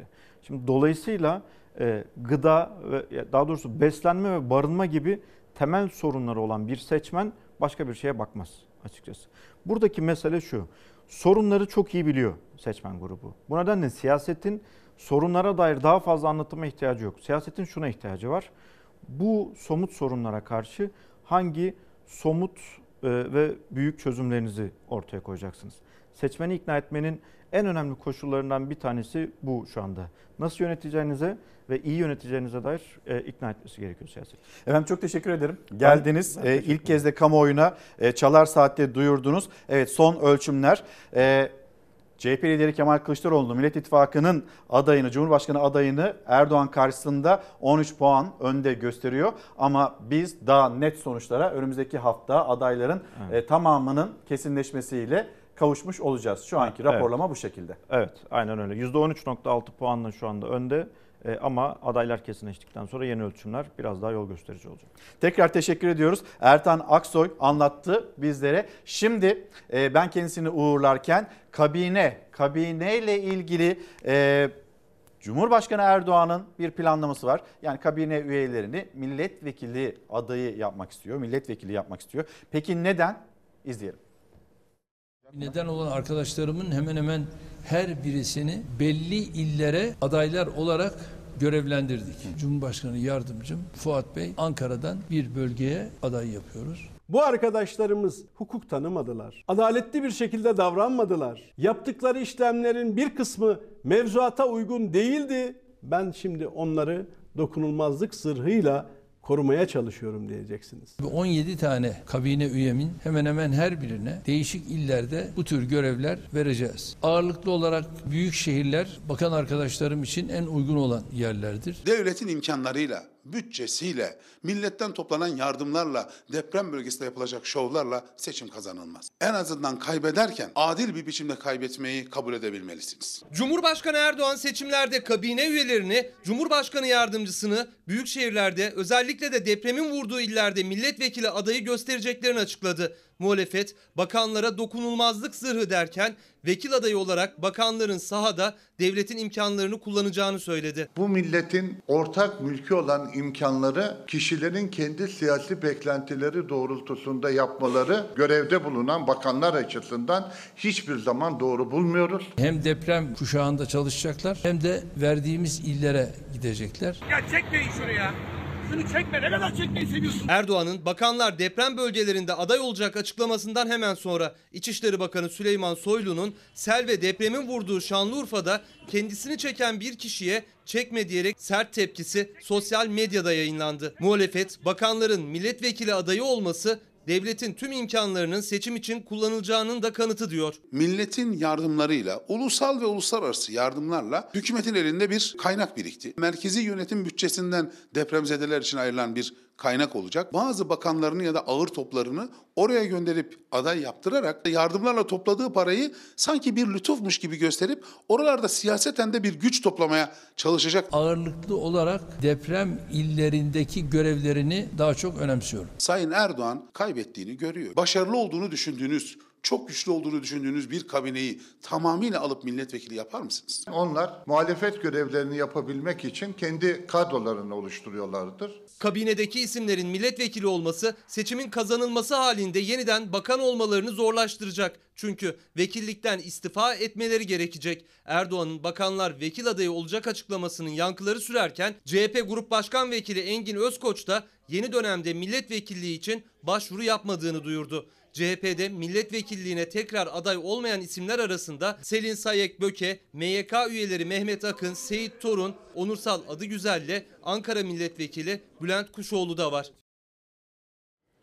Efendim şimdi Disk Başkanı Arzu Çerkezoğlu yanımızda çalışma hayatı diyeceğiz. Arzu Hanım günaydın. Günaydın. Hoş geldiniz. Hoş bulduk. Emekliler e, 5500 lira alıyorlardı 7500 liraya yükseltildi. Bu bir zam mı? Bu bir müjde mi?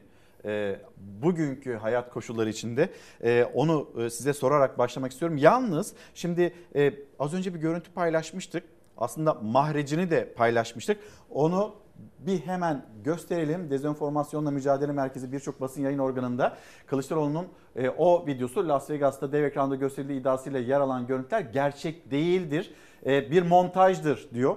Dezenformasyonla Mücadele Merkezi bu hatırlatmayı da yapmış olalım ve Arzu Hanım'la sohbetimize emekliler en düşük emekli maaşı 5500 liradan 7500 liraya yükseltildi. Önce haberimizi izleyelim sonra konuşalım bu bir müjde mi? Çalışmamızı yaptık. O da bunu 7500 lira olarak inşallah bu akşam buradan açıklamış oluyoruz. Hayırlı olsun. Emekli misiniz acaba? Emekliyiz. Emeklisiniz ama çalışıyorsunuz. E, nasıl kurtaracağız? Ne kadar maaş? Beş buçuk. Şimdi 7500 lira oldu. Yani bu şartlara göre yetmiyor. Çünkü kiralar olmuş 8-10 bin lira en düşük olarak. Nasıl yetecek? Evet, enflasyon çok yüksek. Enflasyonun tahribatına emekçiler, emekliler maruz kalıyorlar. En düşük emekli maaşı 5500 liradan 7500 liraya yükseliyor. Çalışma Bakanı yeni düzenlemenin gerekçesini enflasyonun tahribatı olarak açıkladı. Çalışanların, emeklilerin yüksek enflasyona yenildiğini söyledi. Ancak zam sadece en düşük emekli maaşına geldi. Aynı enflasyonla mücadele etmeye çalışan diğer emeklilere, asgari ücretlilere zam yok. Bize zam yok. Ya ben köle olduğumu düşünüyorum. Neye, neye yetecek? Bir kira kaç para burada? Emekli maaşı 10, ri- 10 liraya da olsa yine yetmez. En düşük emekli maaşı 5500 liradan 7500 liraya çıktı ama bu sadece emeklinin bankadan çekeceği paradaki değişiklik. Kağıt üzerinde emeklinin maaşı neyse aynı kalıyor. 4 aldık. İşte biraz arttırdı. 5500 ödü. İbrahim Kurnaz'ın emekli maaşı resmiyette 4000 lira. 5500 liraya tamamlanıyor. Şimdi 7500 lira olacak ama gerçek maaşı 4000 lira olarak kalacak. Bu da Kurnaz'ın yıllarca zam alamaması, hep en düşüğe mahkum olması demek. 8 bin lira maaş alıyorum ben. Şimdi sana bir şey soracağım. Bir babanın üç tane çocuğu var. Birine para verdi, öbürüne vermedi olur mu? He? O zaman daha nesi? 7500 lira ve üstünde alana ise zam yok. Oysa kiraya, gıdaya, faturalara gelen zamlardan tüm emekliler etkileniyor. Gün geçtikçe en düşük emekli maaşı alanların oranı artıyor. Ne kadardı maaşı? 8900. Biz kaldık. Haksızlık. Meclisten geçince 7500 liraya yükselecek olan en düşük emekli maaşı da asgari ücrette açlık sınırının çok altında. Ancak henüz asgari ücretliye bir zam sinyali yok. Emeklinin bayram ikramiyesi de hala 1100 lira. Yanlış sistem. Geçinemiyor. Nasıl geçinsin insanlar?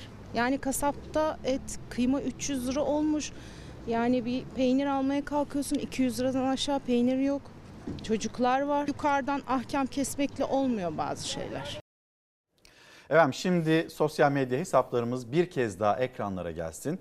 Başlığımızı görüyorsunuz. Olacak iş değil. Orada Arzu Hanım yani bir büyüğümüz diyor ki yani bir babanın 3 evladı var.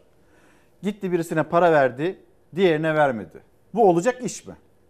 Olacak iş değil tabii. Yani herkesin insanca yaşayabileceği, çoluğuna çocuğuna harçlık verebileceği, evine ekmek götürebileceği bir gelire sahip olması temel bir yurttaşlık hakkıdır. Çalışanlar açısından da, işsizler açısından da, emekliler açısından da, herkes açısından temel bir haktır. Ama maalesef Türkiye'de gelir dağılımı adaletsizliği o kadar olağanüstü derecede büyüdü ki ve tümüyle Türk lirasının değersizleştirilmesi ve emeğin ucuzlatılması üzerine kurulu bir ekonomik politika, ekonomik rota izlendiği için Türkiye'de özellikle son 20 yıldır AKP iktidarları döneminde bugün bunun çok dramatik sonuçlarını yaşıyoruz. Hem çalışanlar açısından hem emekliler açısından e, gerçekten alım gücünün olağanüstü düştüğü çünkü enflasyonun durumu ortada. Çok ciddi bir ekonomik kriz var bugün Türkiye'de. Başta gıda enflasyonu olmak üzere biraz önce vurgusu yapıldı. Dünyanın en yüksek gıda enflasyonu olan ülkelerden bir tanesiyiz. Yani öncelikle karnımızı doyurmak zorundayız. Vazgeçtik diğer temel ihtiyaçlardan temel gıdaya erişebilecek bir gelire sahip olmak bile bugün Türkiye'de e, çok zor bir şey haline geldi. İşte açlık sınırı ortada 9 bin lirayı geçti. Bir ortalama ücret olan asgari ücret açlık sınırının dahi altında bırakın yoksulluk sınırını. Emekliler açısından durum daha da vahim. Açlık, e, asgari ücretin yarısı düzeyine gerileyen e, emekli aylıklarıyla hayatını sürdürmeye çalışan milyonlarca emekli var Türkiye'de. Efendim şimdi siz Diskar'ın araştırmalarıyla geldiniz, evet. ölçümlerle geldiniz. Yine bir raporlama, bir e, analize ihtiyacımız var. Bir de yani bu söylem ne kadar doğru? Müjde mi değil mi burada arttırılmış olan e, en düşük emekli aylığı? E, ve neden diğer emekliler 7501 lira alını e, vurmayan, bulmayan bir düzenleme aslında karşımızdaki. Burada da bir düzeltme yapılamaz mı? Onun hatırlatmasını da e, şimdiden ben yapmış olayım ve ekrana da gelsin yönetmenimizden rica edeyim. Sizin getirmiş olduğunuz evet. grafikler var. Siz bize anlatın müjde nedir ne değildir? Şimdi öncelikle şunu söyleyeyim İlker Bey. Gerçekten Türkiye'de emekliler yaklaşık 14 milyon emekli ve hak sahibi var. Çalışanlardan sonra en büyük toplumsal grup emekliler ve emekli emekli olmak herkes açısından, hepimiz açısından belli bir çalışma süresini tamamladıktan sonra emekli olmak ve emekli olduktan sonra da son nefesimize kadar insanca yaşayacağımız bir emekli aylığı ve başta sağlık hakkı olmak üzere sosyal haklara sahip olmak hepimiz açısından temel bir yurttaşlık hakkıdır. Devletin de ve devleti yöneten iktidarların da bunu sağlamak temel görevidir, sorumluluğudur. Fakat Türkiye'de emekli aylıkları konusunda o kadar sistematik bir e, gerileme yaşanıyor ki bunun nedeni de 2008 yılı yılında Adalet ve Kalkınma Partisi tarafından çıkartılan 5510 sayılı yasadır. Şimdi bu grafikte şöyle bir çarpıcı veri görüyoruz. 2002 yılında en düşük emekli aylığının asgari ücreti oranı %139'muş. Yani en düşük emekli aylığı asgari ücretten %40 daha fazla. Hani bugünkü rakamlarla söylersek 11-12 bin lira civarına düşü e, karşılık gelir. Ama şu anda en düşük emekli aylığı asgari ücretin %65'i neredeyse yarısına düştü. Bu nasıl oldu? 2008 yılında AKP'nin çıkardığı 5510 sayılı yasada emekli aylıklarını belirleyen bütün parametreler geriye düştü. Aylık bağlama oranı düşürüldü, katsayı düşürüldü, emeklilerin milli gelirden aldığı pay düşürüldü ve böylece çok sistematik bir biçimde emekli aylıkları geriledi. 2008'de bu yasa çıktığında biz söyledik bu çok büyük bir mağduriyete yol açacak diye bütün hocalarımız yazdılar dediler ki 15-20 yıl içerisinde emekli aylıkları asgari ücretin yarısına düşecek bu ülkede dediler. Yani iktidar o zaman kulak asmadı ama bugün bu gerçeği yaşıyoruz. Şimdi emekli aylıkları gerçekten asgari ücretin bile açlık sınırının altındaki asgari ücretin bile yarısı düzeylerine düştü. O nedenle Sürekli iktidar bu tepkileri azaltmak için özellikle de seçim dönemlerinde bir takım pansuman tedbirler yapıyor. Şimdi en düşük emekli aylık bence olmazdı. Yani çünkü yıllardır ülkeye 20 yıldır aynı iktidar yönetiyor. Yıllardır emeklileri bu sefalet ücretlerine mahkum ettiler. Şimdi seçimden önce en düşük emekli aylığını 7500 lira yapıyoruz diye Cumhurbaşkanı açıkladı. Önce şunu söyleyeyim. Emekli aylıkları yasayla belirlenir. Dolayısıyla emekli aylığında yapılacak artışın adresi Türkiye Büyük Millet Meclisi'dir. Haftaya bir yasa çıkması lazım. Evet haftaya çıkacağını söylediler. İkincisi en düşük emekli aylığının 7500 liraya yükseltildiği iddiası doğru değildir. Tıpkı daha önce de 5500 liraya yükseltildiği yükseltildiği iddiasında olduğu gibi. En düşük emekli aylığı 7500 lira yükselmiyor İlker Bey. En düşük emekli aylığı, emekli aylıkları daha doğrusu olduğu yerde duruyor. Ama 7500 liranın altında olan emekli aylıkları hazine tarafından 7500 liraya tamamlanıyor. Hani diyecek ki belki seyircilerimiz ne önemi var? İster SGK versin ister e, hazine versin. Önemli olan emeklinin eline geçen para. Öyle değil. Şimdi biliyorsunuz emekli aylıkları her yıl Ocak ve Temmuz ayında resmi enflasyon oranında artar. Şimdi şu anda emekli aylığı 7500 liranın altında olan emeklilerimiz sizin e, aylığı 7500 liraya tamamlanacak. Diyelim ki 5000 lira emekli aylığı alıyor bir emekli. O 7500 lirayı hazine tarafından tamamlanacak ve eline 7500 lira geçecek. Mecliste eğer yasa bu şekilde çıkarsa. Fakat Temmuz ayında bu emeklinin enflasyon üzerinden alacağı artış 7500 liranın üzerine eklenmeyecek. 5000 liranın üzerine eklenecek. Yani Dolayısıyla yine 7500 yine 7500 lira alacak. Tıpkı 5500'e tamamlandığı dönemde olduğu gibi. Yani aslında bütün emekli aylıkları giderek bir, bir, bir şey daha söyleyeyim. 7500 liranın 1 lira üzerinde alan mesela 7550 lira olan için bu artışın hiçbir anlamı yok. Onlar açısından bir şey değişmeyecek. Dolayısıyla düşük prim ödeyenle yüksek prim ödeyen arasındaki adaletsizlik de artacak ve 7500 liranın üzerinde aylığı olanlarda hiçbir şey değişmeyecek. Altında olanlar 7500'e tamamlanacak ama artışlar o kök aylık dediği hocalarımızın onun üzerinden yani 5000 lira üzerinden artacak. Yani dolayısıyla yine 7500 lira geçecek. Bunun anlamı şudur. Bütün emekli aylıklarının en düşük emekli aylığına doğru baskılanması, geriletilmesidir. Tıpkı asgari ücrette olduğu gibi. Biliyorsunuz bunu da çok konuştuk sizin programlarınızda evet. da. Asgari ücrete bir artış yapılıyor fakat diğer ücretlere aynı oranda artış yapılmıyor. Şimdi, hem asgari ücrette çalışanların oranı bu nedenle artıyor. Yani bütün ücretler asgari ücrete doğru baskılanıyor. Yani işte üniversite mezunları gençlerimizin bile yarısı Cumhurbaşkanlığı rakamlarına göre asgari ücrette çalışmaya başlıyor. Dolayısıyla diğer ücretler asgari ücret kadar artırılmadığı için bütün toplum asgari ücretliler toplumu haline geliyor. Emekliler açısından da herkes o en düşük emekli aylığına doğru indiriliyor. Bunun anlamı yoksullukta eşitlemek. Yani çalışanı da emekliyi de yoksullukta eşitleyen bir politika izliyor bugün ülkeyi yöneten iktidar. Oysa olması gereken emekli aylıklar açısından söyleyip orayı e, tamamlamış olayım olması gereken en düşük emekli aylığının en azından asgari ücret düzeyine yükseltilmesi ve bütün emekli aylıklarının da aynı oranda artırılması. Yani bir intibak yasası aynı zamanda işte aylık bağlama oranları ve diğer e, parametrelerdeki o 5510 sayılı yasadaki düzenlemelerin tümüyle değişmesi lazım ki emekliler gerçekten insanca yaşayabileceği bir ücrete gelire kavuşabilsin. Tabii biz şu anda e, asgari ücretin altında, açlık sınırının altında, yoksulluk sınırının çok altındaki bir ücreti konuşuyoruz. Evet. Ve burada da bir zam yok. Hazineden 7500 liraya tamamlanan bir e, ücreti konuşuyoruz sizinle. Şimdi izleyicilerimiz de yazıyor. Yani siz 5500 lira diyorsunuz ama biz 5500 lira bile almıyoruz. Hani 4900, 5100 lira. E, bu seviyelerde hak bize... sahipleri için evet öyle. Öyle doğru. O, onun nedeni ee, yani nedir? Yani emekli dolu yetim aylığı alanlar açısından bu rakamın da altında. Ama e, şimdi şu an işte en düşük emekli aylığını 7500 lira yapacağız derken e, emekli aylıklarını hazineden yapılacak olan katkıyla 7500 liraya tamamlayacaklar. Tekrar altını çiziyorum. Oysa aylıklar olduğu yerde duracak ve e, Temmuz'da ve sonraki Ocak ayında yani yapılan bütün artışlar gerçek emeklilerin o yerinde sayan aylıkları üzerinden yapılacağı için bütün emekliler o en düşük emekli aylığı düzeyine gerilemiş olacak. Yapılması gereken e, bütün emekli aylıklarında aynı oranda bir iyileştirmenin olması. Ama burada asıl mesele gerçekten hem sosyal güvenlik sistemi aslında İlker Bey bütün çalışma hayatımız açısından yani Türkiye bir ücretliler toplumu haline geldi ee, ve gerçekten çalışma hayatının çok büyük sorunları var. Çalışma hayatındaki bütün süreçlerin tepeden tırnağa yenilenmesi, tepeden tırnağa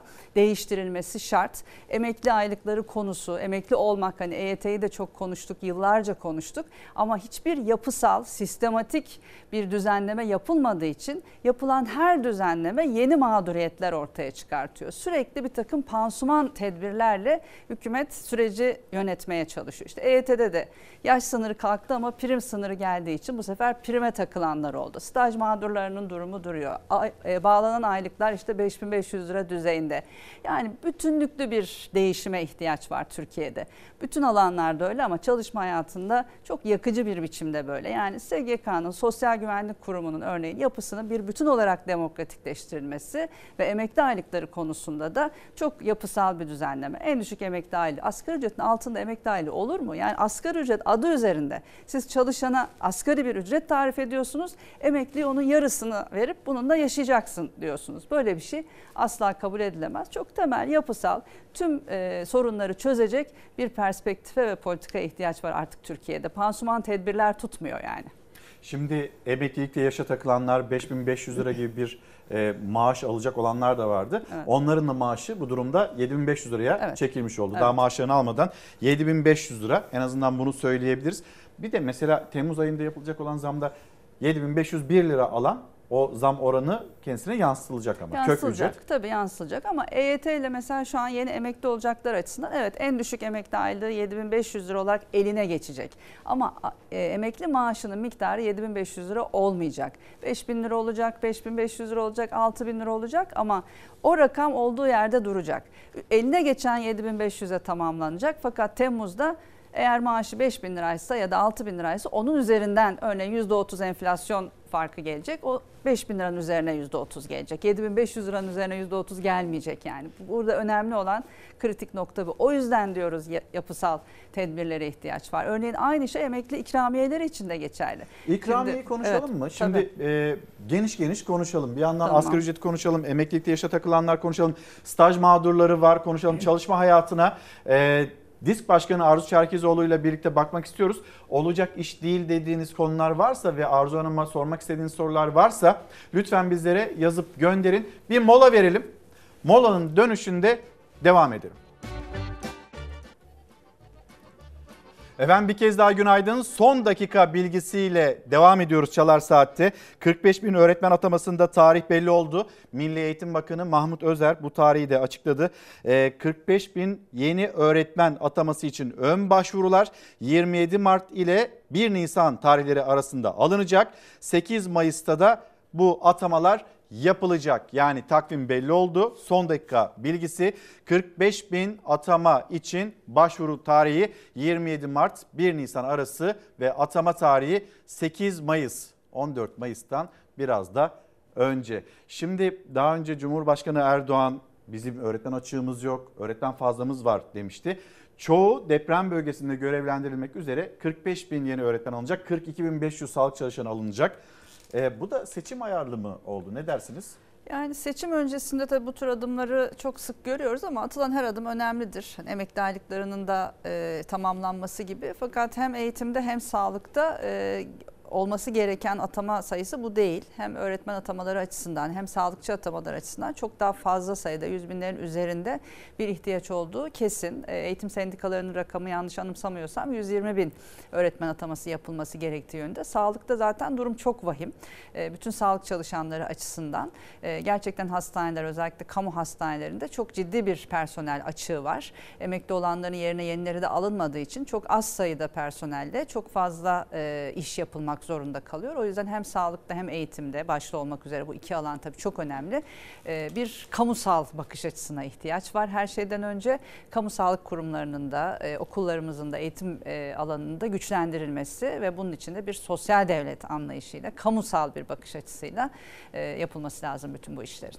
Şimdi başlığımız bugün olacak iş değil. Ee, Arzu Hanım da dikkat çekti. Bizim hafızamızda kalan 120 bin öğretmen açığı. Eğer hani buradaki sayıda bir değişiklik varsa e, atanmayan öğretmenlerimizin platformundan belki bir bilgilendirme gelebilir. Twitter'dan bize ulaştırabilirsiniz. Sağlıkçılarımız için de aynı şekilde gelelim e, ikramiyelere. Şimdi yine Diskar'ın bir araştırması 5 yılda resmi enflasyon %269.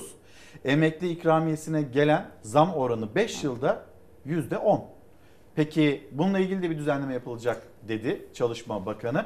Ee, ne kadar olur acaba buradaki beklenti? Olması gereken ne? Olabilecek olan ne? Ne dersiniz? Henüz o konuda bir açıklama yapılmadı ama biraz önce söylemeye çalıştığım gibi gerçekten emekli aylıkları Türkiye'de o kadar çok düştü ki e, İlker Bey e, 2008 yılında AKP tarafından yapılan düzenlemeyle emekli aylıkları artık pula döndü.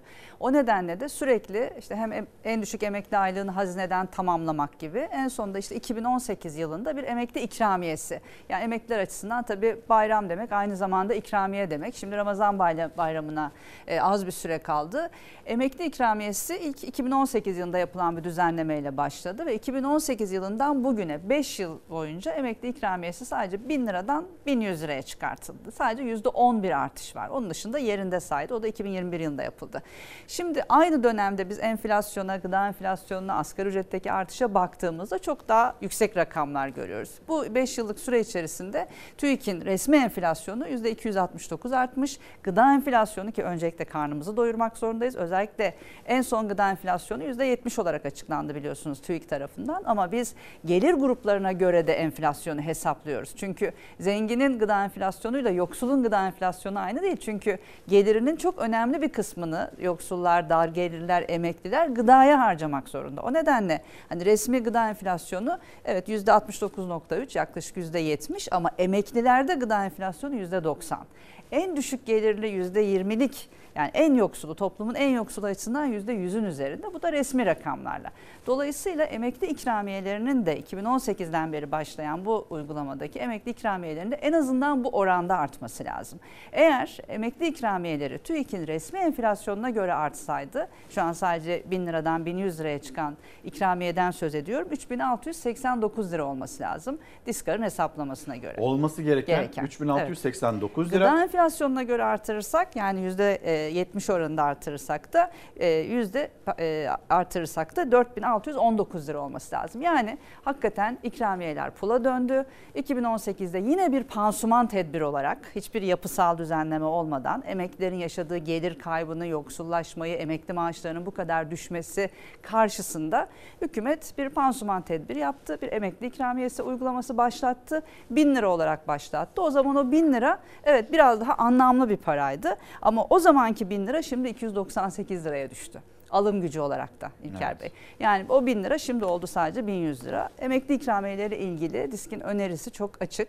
Emekli ikramiyesinin en azından asgari ücret düzeyine yükseltilmesi lazım. Ve yılda 4 kez de emeklilere e, asgari ücret kadar ikramiye verilmesi gerekli. En azından yaşanan bu alım gücü kaybını, satın alma gücünü bir miktar olsun azaltabilmek ve emeklilerin en azından bayramda çoluğuna, çocuğuna, torunlarına e, harçlık verebilmesini, işte ufak bir hediye alabilmesini sağlayacak bir düzenlemeye ihtiyaç var. Emekli ikramiyelerindeki gerçekten erime e, anlatılır gibi değil. Yani hakikaten pul olmuş durumda emeklilik. Hiçbir anlamı kalmadı şu an 1100 liranın alım gücü açısından baktığımızda. 3,5 kilo kıyma yani, Yani şu evet. anda alınabilen e, ya da alım gücü böyle söyleyelim. Deprem bölgesine gideceğiz. Şimdi e, Arzu Hanım siz de oradaydınız. Zaten bir e, 47. günü bugün deprem felaketinin. Fox Haber'den Gülşah İnce bizleri bekliyor. E, Hatay'da Gülşah söz sende. İlker Karagöz Hatay'dayız, Antakya'dayız. Aslında hemen yanımda bir konuğum da var. Önemli de bir yerdeyiz. Ee, burası e, depremin ilk günlerinde e, revir ve işte ilk yardım malzemelerinin tutulduğu hemen hemen ekiplerin müdahale ettiği o lojistik merkezlerinden bir tanesiydi. İlk yardım merkezlerinden bir tanesiydi. Yanımda avukat Ömer Meşe var. E, aslında onu hepimiz tanıyoruz çünkü bölgede evrak nöbeti tutan o avukat ve hatta bu nöbetinin sonucunda da başarılı olmuştu ve o evraklar yapı denetimle ilgili evraklar enkazlardan toplanmıştı. Güvenli bir alana götürülmüştü. Şimdi neden buradayız? Avukat Ömer Meşe ile birlikte onu dinleyelim. Efendim siz dediniz ki sürekli takip ediyorsunuz. Burada nöbetiniz asla bitmiyor. Şu anda bulunduğumuz yer neresi ve biz neden buradayız? Burası yine Çevre Şehircilik İl Müdürlüğü'nün yapı denetim binası. Ee, ilk gün bakanlık emriyle yıkılmak istenen bina. Ee, ve yıkılma gerekçesi olarak da bakanlığın ilgisiz kişiler tarafından işgal edildiğini e, açıklamasıyla beyan ettiği bina. E, fakat bu bina e, yanı sıra buradaki evrakların yanı sıra revir ve eczane olarak kullanılan bir yeriydi.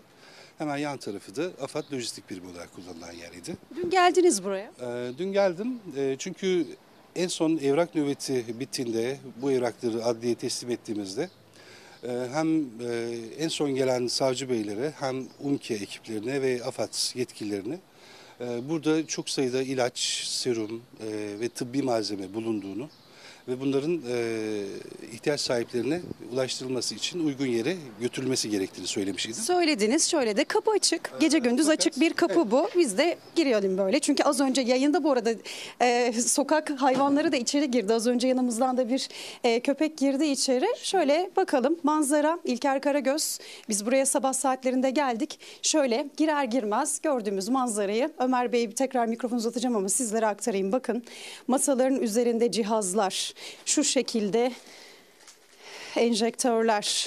Şu tarafta şöyle baktınız burası bir laboratuvar aslında. Laboratuvarın hali bakın kapılar kırılmış. Zaten ana kapı açıktı. Burası sürgülü bir kapı. Ömer Bey buranın kilitli olduğunu söylüyordu. Ama bakın içeride malzemeler, sedyeler, oksijen tüpleri, maskeler. Aslında bugünlerde hala bu bölgede en çok ihtiyaç duyulan bütün malzemeler. Bakın ilk yardım malzemeleri, bir yaralanma durumunda pansuman için kullanılan ilaçlar, pamuklar ve maskeler. Efendim nasıl bir manzara bu Ömer Bey burası? Şöyle içeriye baktığımızda yine serumlar. Ee, şöyle geçelim ve size şu bakın koli koli burada ilk yardım malzemeleri var. Tıbbi e, malzemeler var burada. Yerlerde enjektörler. Bir de şurayı göstereyim size. Ee, ömür dikme sizlere göstersin. Evet, yani e, kapılar açık. Şimdi burada e, muhtemelen ilk günlerde görevlerini yerde yatmak için serdikleri bir yatak var. O yatağın üzerinde artık sokak hayvanları. Kapı açık olunca, kapı pencere bacı açık olunca onlar da içeriye girmişler ve o yatağın üzerinde sokak hayvanları kalıyor. Şimdi yerlerde de aslında efendim bu kadar malzeme zayi olmuş durumda. Dün geldiniz kontrol ettiniz. Evet, yani- Ne ne gördü yani ne dediniz? Yetkililere tekrar ulaştınız mı? Nedir durum? Ee, buranın bir kısmının e, nakledildiği eczaneyle görüştüm bunların buradan aldırılması için. Ee, fakat bir araç temini sıkıntısı yaşandı. Ee, burayı görür görmez onlara haber vermeyi gereği duydum. Fakat ben e, buradan ayrılırken İstanbul'a dönerken dediğim gibi e, buraya gelen her iki savcıya da UMKE yetkililerine de AFAD yetkililerine de buradaki malzemelerin ihtiyaç sahiplerine ulaştırılması için uygun bir alana naklini e, istemiştim ve aynı gün bunu e, yapılacağını söylemişlerdi. E, fakat döndüğümde kontrol için geldiğimde manzara bu şekilde. Artık tamamen sokak hayvanları tarafından işgal edilmiş. Kapı kapalı mıydı siz geldiğiniz? Tamamen açık. Şu pencereler de açık zaten. E, dolayısıyla e, birçoğu hijyenik olarak artık kullanılma e, elverişli olmayan atıl hale gelmiş. E, tıbbi malzemeler ve ilaçlar var. Peki bölgede artık ihtiyaç yok mu bunlara? Şöyle söyleyeyim, e, yani son dört gündür defaatle artık e, insanların parayla ilaç temini e, zorunda kaldığını gözlemliyorum. E, son iki üç gün içerisinde ilaç arayan e, onlarca kişiyle karşılaştım. Bizzat sizden istediler. Evet, fakat geldiğim e, ve gördüğüm manzara da bu şekilde. Şöyle tekrar gösterelim. Gerçekten yani böyle bir manzara. Bakın şunlar şırıngalar. Ne şöyle steril malzemeler yerlerde. Bakın şöyle serumlar var. Artık üstüne basmak bile bana gerçekten bakın serumlara bakın. Bunlar serumlar.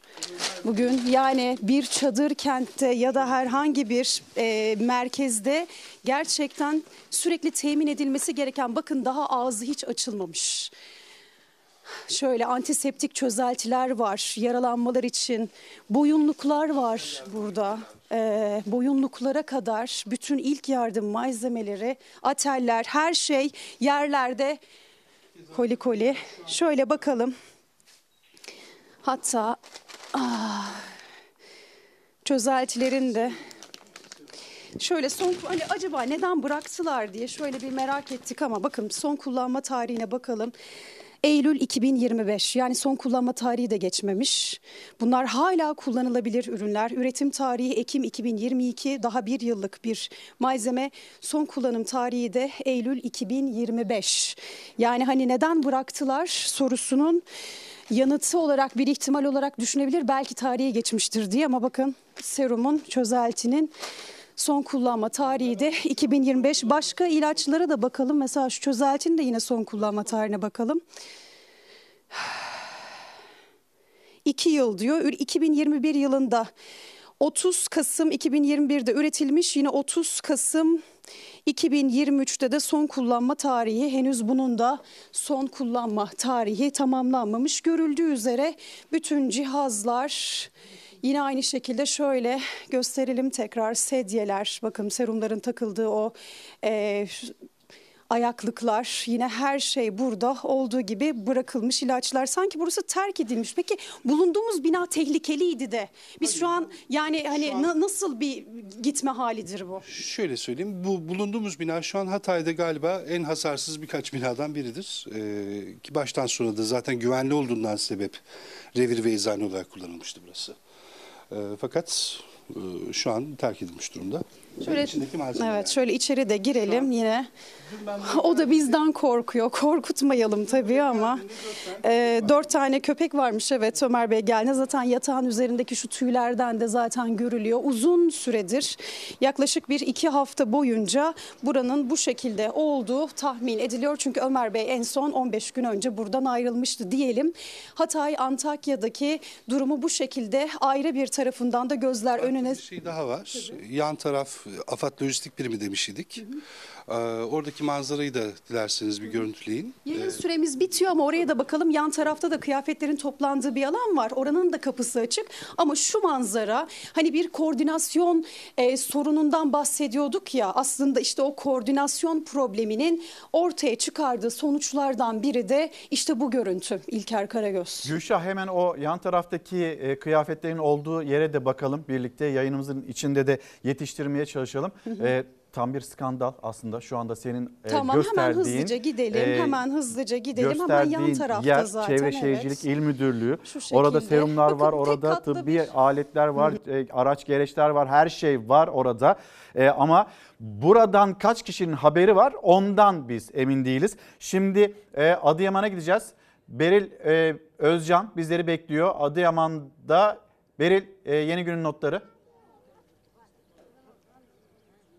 Günaydın İlker. Kameraman Günaydın. arkadaşım Soner Daba ile birlikte Adıyaman'dayız. Aşağı Kara Pınar köyündeyiz.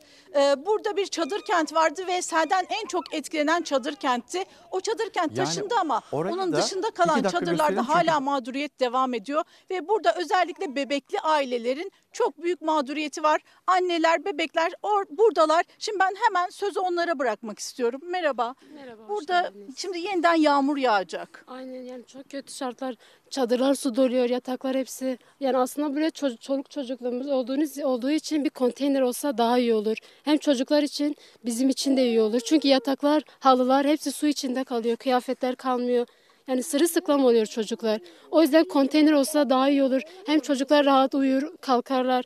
Yani zaten hastalar da üşüyorlar. Yani artık gerisini yardımlar inşallah yardım bekliyoruz. Konteyner istiyoruz. Çocuklar için. Eşyalarınız ıslandı, dışarıya çıkarıldı. Evet dışarı çıkarıldı yataklar. Yani evde olan eşyaları kurtarabildiğimiz kadar çadırlara kattık. Tabii çadırda su olduğu için, sel olduğu için oradan da kurtarılamadı. Şimdilik yani sırılsıklam yine yani tekrar yağmur bekleniyor. Artık bakacağız. Umarım yine dolunmaz çadırlar. Çok acil bir önlem alınması lazım. Burada da Aslan ailesinin bebeği deprem olduğundan beri hasta olduğunu söylediniz ve selde de gözleri iltihaplandı. Neler yaşıyorsunuz? Yani selden beri kızımın gözü iltihaplı hatta gösterebilirim de. Yani yani artık anlatamıyorum. Daha yeni siz gördünüz sağlık ocağına gittim geldim. Sağlık ocağı kapalıydı. Hani ben şu bebeği nereye götüreceğim? Ben onu bilmiyorum. Hani aracım yok, bir şeyim yok. Yani imkanlarım yok. Hani nereye gideceğim bilmiyorum. Yine yağmur bekleniyor. Nereye gideceğiz? Yani bu kadar insan nereye gidecek, nereye sığınacak bilmiyoruz. Çadırlardan yaşadınız? su damlıyor, altımıza su geliyor. Yani kendi imkanlarımızla kazdık ama hani olmuyor. Yani ne kadar yapsak da suyun önüne geçemeyiz. Yani palet bulamıyoruz, bir şey bulamıyoruz. Hani çadırlarımız üstten damlıyor, alttan su giriyor. Biz e, gece uyuduk, sabah kalktık. Yani dizimize kadar suyun içindeyiz. Kızı ıslak battaniyeyle kaldırdım, götürdüm. Ama nereye götüreceğim? Dışarısı hep yağmur, hep şey yani nasıl şiddetli yağıyor. Yani başka çarem yokturdu. Mecbur ıslak battaniyeye sarıp yağmurun önüne çıktım. Siz konteyner istediniz mi? Ya evet ben e, depremin ilk gününden beri AFAD'ı arıyorum. Hatta hani başvurum da vardır belki ama hani benden sonra başvuran herkesi aldılar yani. Beni daha hiç aramadılar. Yani evim az hasarlı tamam ama hani öncelik şeylere veriyorlar yıkık evlere. Hani ama ben de eve giremiyorum. Yani herkes dışarıda, herkes şu an benim gibi. Evi yıkılan da dışarıda, az hasarlı da olan dışarıda, hasarsız da dışarıda. Sizin de bir e, sıkıntınız, bebekleriniz var. Evet benim Siz ne istiyorsunuz? Benim çadırıma sürekli böcekler geliyor ve ben de böcekten korkuyorum. Hani böcekleri tutup atamıyorum bile. Fobim var. Çocuklar e, yani gelse çocuğumu gece ısırsa, diğeri alıp ağzına koysa bilmiyor çünkü öbürü de küçük. Onun haricinde biz de uyandık mesela çadırımızı su basmıştı. Eğer çocuğumun beşi olmasaydı o da suyun içinde kalacaktı. Yani biz, bizim burada çocuklarımız hasta olsa bize hesap verebilecek kimse yok. Çok acil önlem isteniyor ama bakın alınan tek önlemde burada çadırları kendi imkanlarıyla yaptıkları bu barikat diyebileceğimiz şey başka yağmur bekleniyor. Yüzde doksana varacak yağış olması bekleniyor. Alınan tek önlem kendi imkanlarıyla yaptıkları bu barikatlar. Aktaracaklarım bu kadar İlker Karagöz söz sende. Bugün de yağış bekleniyor. Beril Özcan'ın da aktardığı üzere orada bebekler var, orada insanlar var. Çadır kent e, selde hasar aldı. Zaten evleri de yok. E, zor günler geçiyor onlar için. Şimdi Gülşah'tan rica etmiştim. Hemen iki dakikada da olsa görelim istemiştik orayı. Kıyafetler ne durumda acaba? Sağlık e, malzemelerini gördük Gülşah. Hemen yan tarafa gidelim. Teknik bir sorun oldu tam çıkarken ama şöyle devam edelim. Hemen yan kapıdan diğer tarafa geldik. Burası da yine aynı şekilde e, o bütün yardımların toplandığı ve buradan da işte lojistik olarak e, ihtiyaçların dağıtıldığı noktalardan bir tanesi. Ömer Bey de zaten o süreçlerde tüm e, tanıklığıyla e, burada o anda o günleri yaşayanlardan bakın kıyafetler bu şekilde yerlerde. Şöyle bakalım. Şöyle halılar var. Stıklar var. Bakın atkılar var. Şöyle polarlar var ki bunlar biliyorsunuz yani sıcak da tutan kıyafetler. Şöyle çünkü Hatay'a geldiğimizde e, bizden gerçekten ne getirdiniz? Yanınızda ne var? E, giyecek var mı? Özellikle kadınlar iç giyim, dış giyim, mont bunları soruyorlardı bize. E, ve şimdi bütün bu soruların üzerine bu manzarayı görünce de e, nasıl diye sorduk. Yani buranın bir an önce buraya el atılıp bunların düzenlenip, toparlanıp, temizlenip, ayrıştırılıp dağıtılması gerekiyor ihtiyaç sahiplerine. Çünkü çok fazla ihtiyaç var. Son olarak tekrar alalım sizden şu manzara nasıl bir manzara? Bu manzara çok kötü bir manzara. Maalesef şu an Hatay'da hala e, kıyafet ihtiyacı, kıyafet desteği e, bekleyen e, çok şey insan var. Fakat koordinasyon sıkıntısı sebebiyle artık çöp haline gelmiş. E, bu şekilde yığınları çokça görmeniz mümkün Hatay'da. E, burası e, gayet düzenli işleyen bir e, alan idi. Göstermek istiyorum yani gerçekten kullanılamaz kıyafetler miydi acaba diye. Şöyle bakın çocuk kazakları. Evet burada aynen ilk geldiğimizde şöyle bakın tişörtler gayet kullanılabilir. Ee, yine aynı şekilde arkaya doğru uzanan kıyafetler bunlar kullanılabilir ürünler. Can sıkıcı olan şey şu. Ee, insanlar bu bölgeye e, yardım gönderirken ikinci el olsa dahi ütüleyip e, o şekilde getirin ve özenle e, kolilenip gönderilen malzemeler maalesef burada bu şekilde e, çöp haline getiriliyor. Can sıkan tarafı da bu. Çöp değil bunlar bunlar başarılabilir. Umarız bu yayından sonra da gerçekten bu bölgede artık şu koordinasyon tamamen toparlanabilir ve bunlar gerçekten ihtiyaç sahiplerine ulaştırılabilir diyelim. İlker bu tarafta da manzara bu şekilde kıyafetlerde işte size gösterdik kullanılabilir kıyafetler yerlerde ihtiyaç sahiplerini bekliyor diyelim. Sözü tekrar sana bırakalım. Gülşah İnce teşekkürler. Beril Özcan'a teşekkür ederim. Adıyaman'da ve Hatay'da durum bu. E, her şeyi tek yerden kontrol etmeye çalıştığınızda, AFAD'da kontrol etmeye çalıştığınızda işte görüyorsunuz. Ve tek kelimeyle yazık diyebiliyorsunuz ancak. Şimdi yine deprem bölgesinde kalalım. Deprem bölgesindeki bir proje. Afet bölgesi için uygulanan proje desteklerin 1 milyar liraya ulaşmasını sağladı. Bir e-ticaret şirketi platform üzerinden dünyaya ulaştı. Hem Türkiye'den hem de 70 ülkeden afet bölgesine yardımlar yağdı. Dünyanın her tarafından bu yardımları ister finans olarak ister de ürün olarak direkt yapabiliyorsunuz bu aplikasyon üzerinden. 500 milyon lira yatırımla hayata geçirildi. Afet bölgesine ulaşan destek 1 milyar lirayı geçti. Hedef uzun vadeli sürdürülebilir katkı sağlayabilmek. Bugüne kadar platform üzerinden 70 ülkeden yardım geldi. Bu butiği aslında dünyaya açmış olduk. Yani siz Amerika'dan da Hindistan'dan da e, ben bölgeye işte gıda yardımı yapmak istiyorum, e, bebek bezi yardım yapmak istiyorum, battaniye yapmak istiyorum dediğinizde bunu görüp bunun e, maliyetini, işte ürünleri listeleyen platformumuza ulaşabiliyorsunuz. Tüm dünyada platform üzerinden yardım eden kişi sayısı 170 milyona ulaştı. Şu anda 70'in üzerinde ülkede bu platformumuz açıldı. Hatta arkadaşlar baktı yani 170 milyon insan e, burada girip e, bu siteye yardım ve bağışta da bulunmuş. Yardımların sürdürülebilir olması için e-ticaret şirketinin şimdiki hedefi Adana'da bir aktarma merkezi kurmak. Yardımlar bu noktadan kontrol edilerek ihtiyaç sahiplerine ulaşacak. Diğer bir aktarma merkezinin ise Ankara'ya kurulması planlanıyor. Ee, devam edeceğiz Arzu Hanım'la. DİS Başkanı Arzu Çerkezoğlu Çalar Saat'te. Şimdi e, EYT'liler kandırıldı mı kandırılmadı mı bu da bir soru. Kendisine de soracağım. Gönül Boran da yazıyor evet diyor biz kandırıldık. Prim konusunda kandırıldık. Çalışma Bakanı nereden çıkartıyorsunuz prim mevzunu demişti. İşte karşımızda biz bunu yaşıyoruz diyor Gönül Hanım. Ee, buradaki grafik bize neyi anlatıyor? Sonra da EYT'lilere geçelim. Evet e, buradaki grafik aslında emeklilerin e, program başında da konuştuğumuz ücretlerin gerilemesinin, emekli maaşlarının 2008'de AKP tarafından yapılan düzenleme sonunda sistematik olarak gerilemesinin sonucunu yaşıyoruz. E, emeklilerin yarısı İlker Bey ya çalışıyor ya da iş arıyor. Yani çalışmak zorunda kalıyor. Oysa ki belli bir çalışma süresini tamamladıktan sonra, emekli olduktan sonra çalışmaya ihtiyaç duymadan yeterli bir emekli aylığıyla hayatımızı sürdürebilmemiz ve son nefesimize kadar da yaşayabilmemiz gerekir. Bu temel bir yurttaşlık hakkıdır. Tekrar altını çiziyorum ama Türkiye'de emeklerin durumu bu. Emekli aylıkları çok sistematik bir biçimde geriletildiği için emeklerin yarısı da çalışmak zorunda kalıyor. Oysa yapılması gereken en düşük emekli aylığının asgari ücret düzeyine yükseltilmesi, tüm emekli aylıklarının aynı oranda düzenlenmesi, intibak yasasının çıkması ve emeklilerin örgütlenmesinin, sendikalaşmasının önündeki engellerin kaldırılarak emekli aylıklarının da toplu pazarlıklı belirlenmesi sağlanmalı ki yapısal temel bir sorunumuza e, gerçek anlamda bir çözüm bulmuş olalım.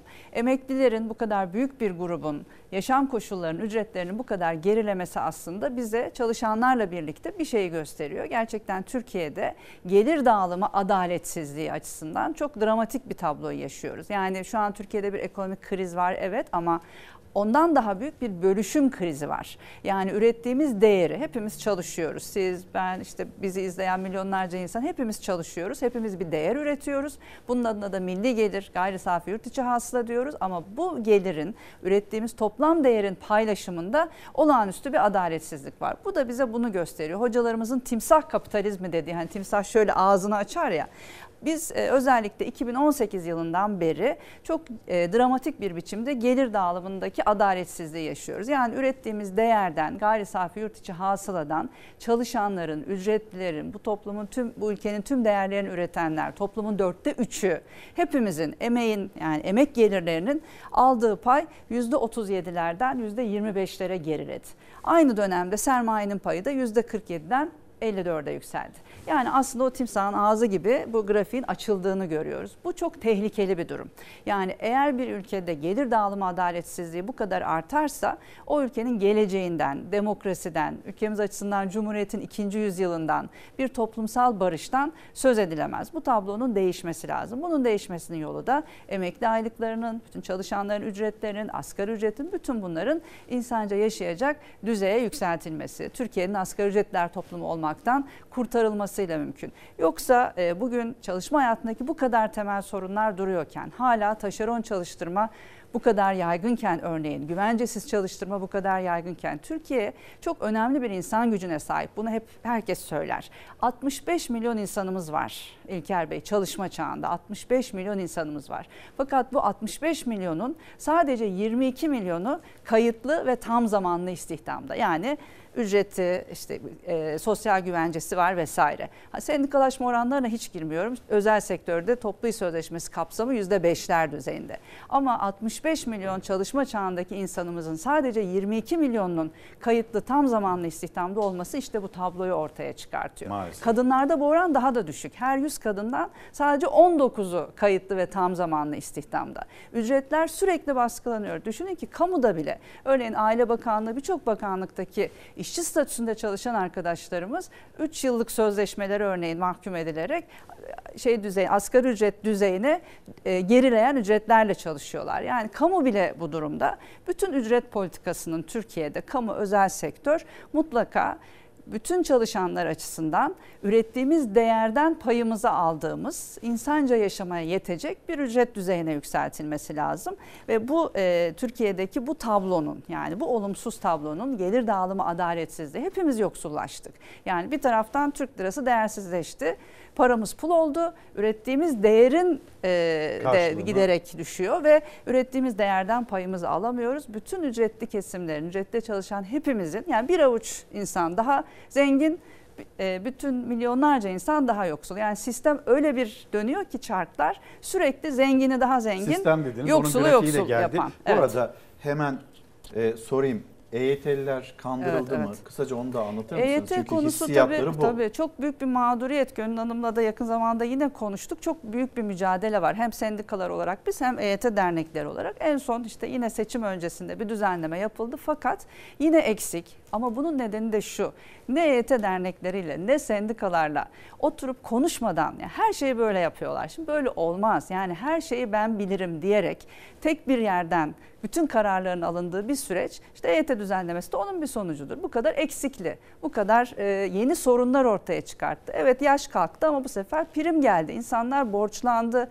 5000 e, konusu bakan açıkladı çünkü Çalışma Bakanı evini satan oldu, arabasını satan oldu. Ondan sonra bu sefer prime takıldılar. Staj mağdurları var. Oysa yapılması gereken 99 öncesi bütün haklarının tas tamam tam EYT'li arkadaşlarımızın söylediği gibi verilmesiydi. Ama bu olmadığı için yeni mağduriyetler ortaya çıktı. 2000 sonrası açısından da çok sert bir geçiş var e, sosyal güvenlik sisteminde, emeklilik sisteminde. Orada da bir kademeli geçişin olması gerekirdi. Yani aslında Bunları düzeltmek zor mu? son derece kolay. Yani bakış açınız Yani önemli. sistem değişse Nasıl bir pencereden baktığınız önemli. Değişir. Her şey düzelir. e, O zaman o İlker Bey. sistemin getirdiği yere bakalım. Çünkü bütün 2018'den mesele, bütün 2023'e. mesele gerçekten e, Türkiye'de bütün kararların tek bir yerde toplanması, bütün yetkinin tek bir yerde toplanması. Oysa çalışma hayatı, özellikle çalışma hayatı her alan böyledir ama taraflar var. İşçi var, işveren var, hükümet var. Yani her konuyu müzakere ederek, diyalogla ve bir ortak akılla çözmek gerekirken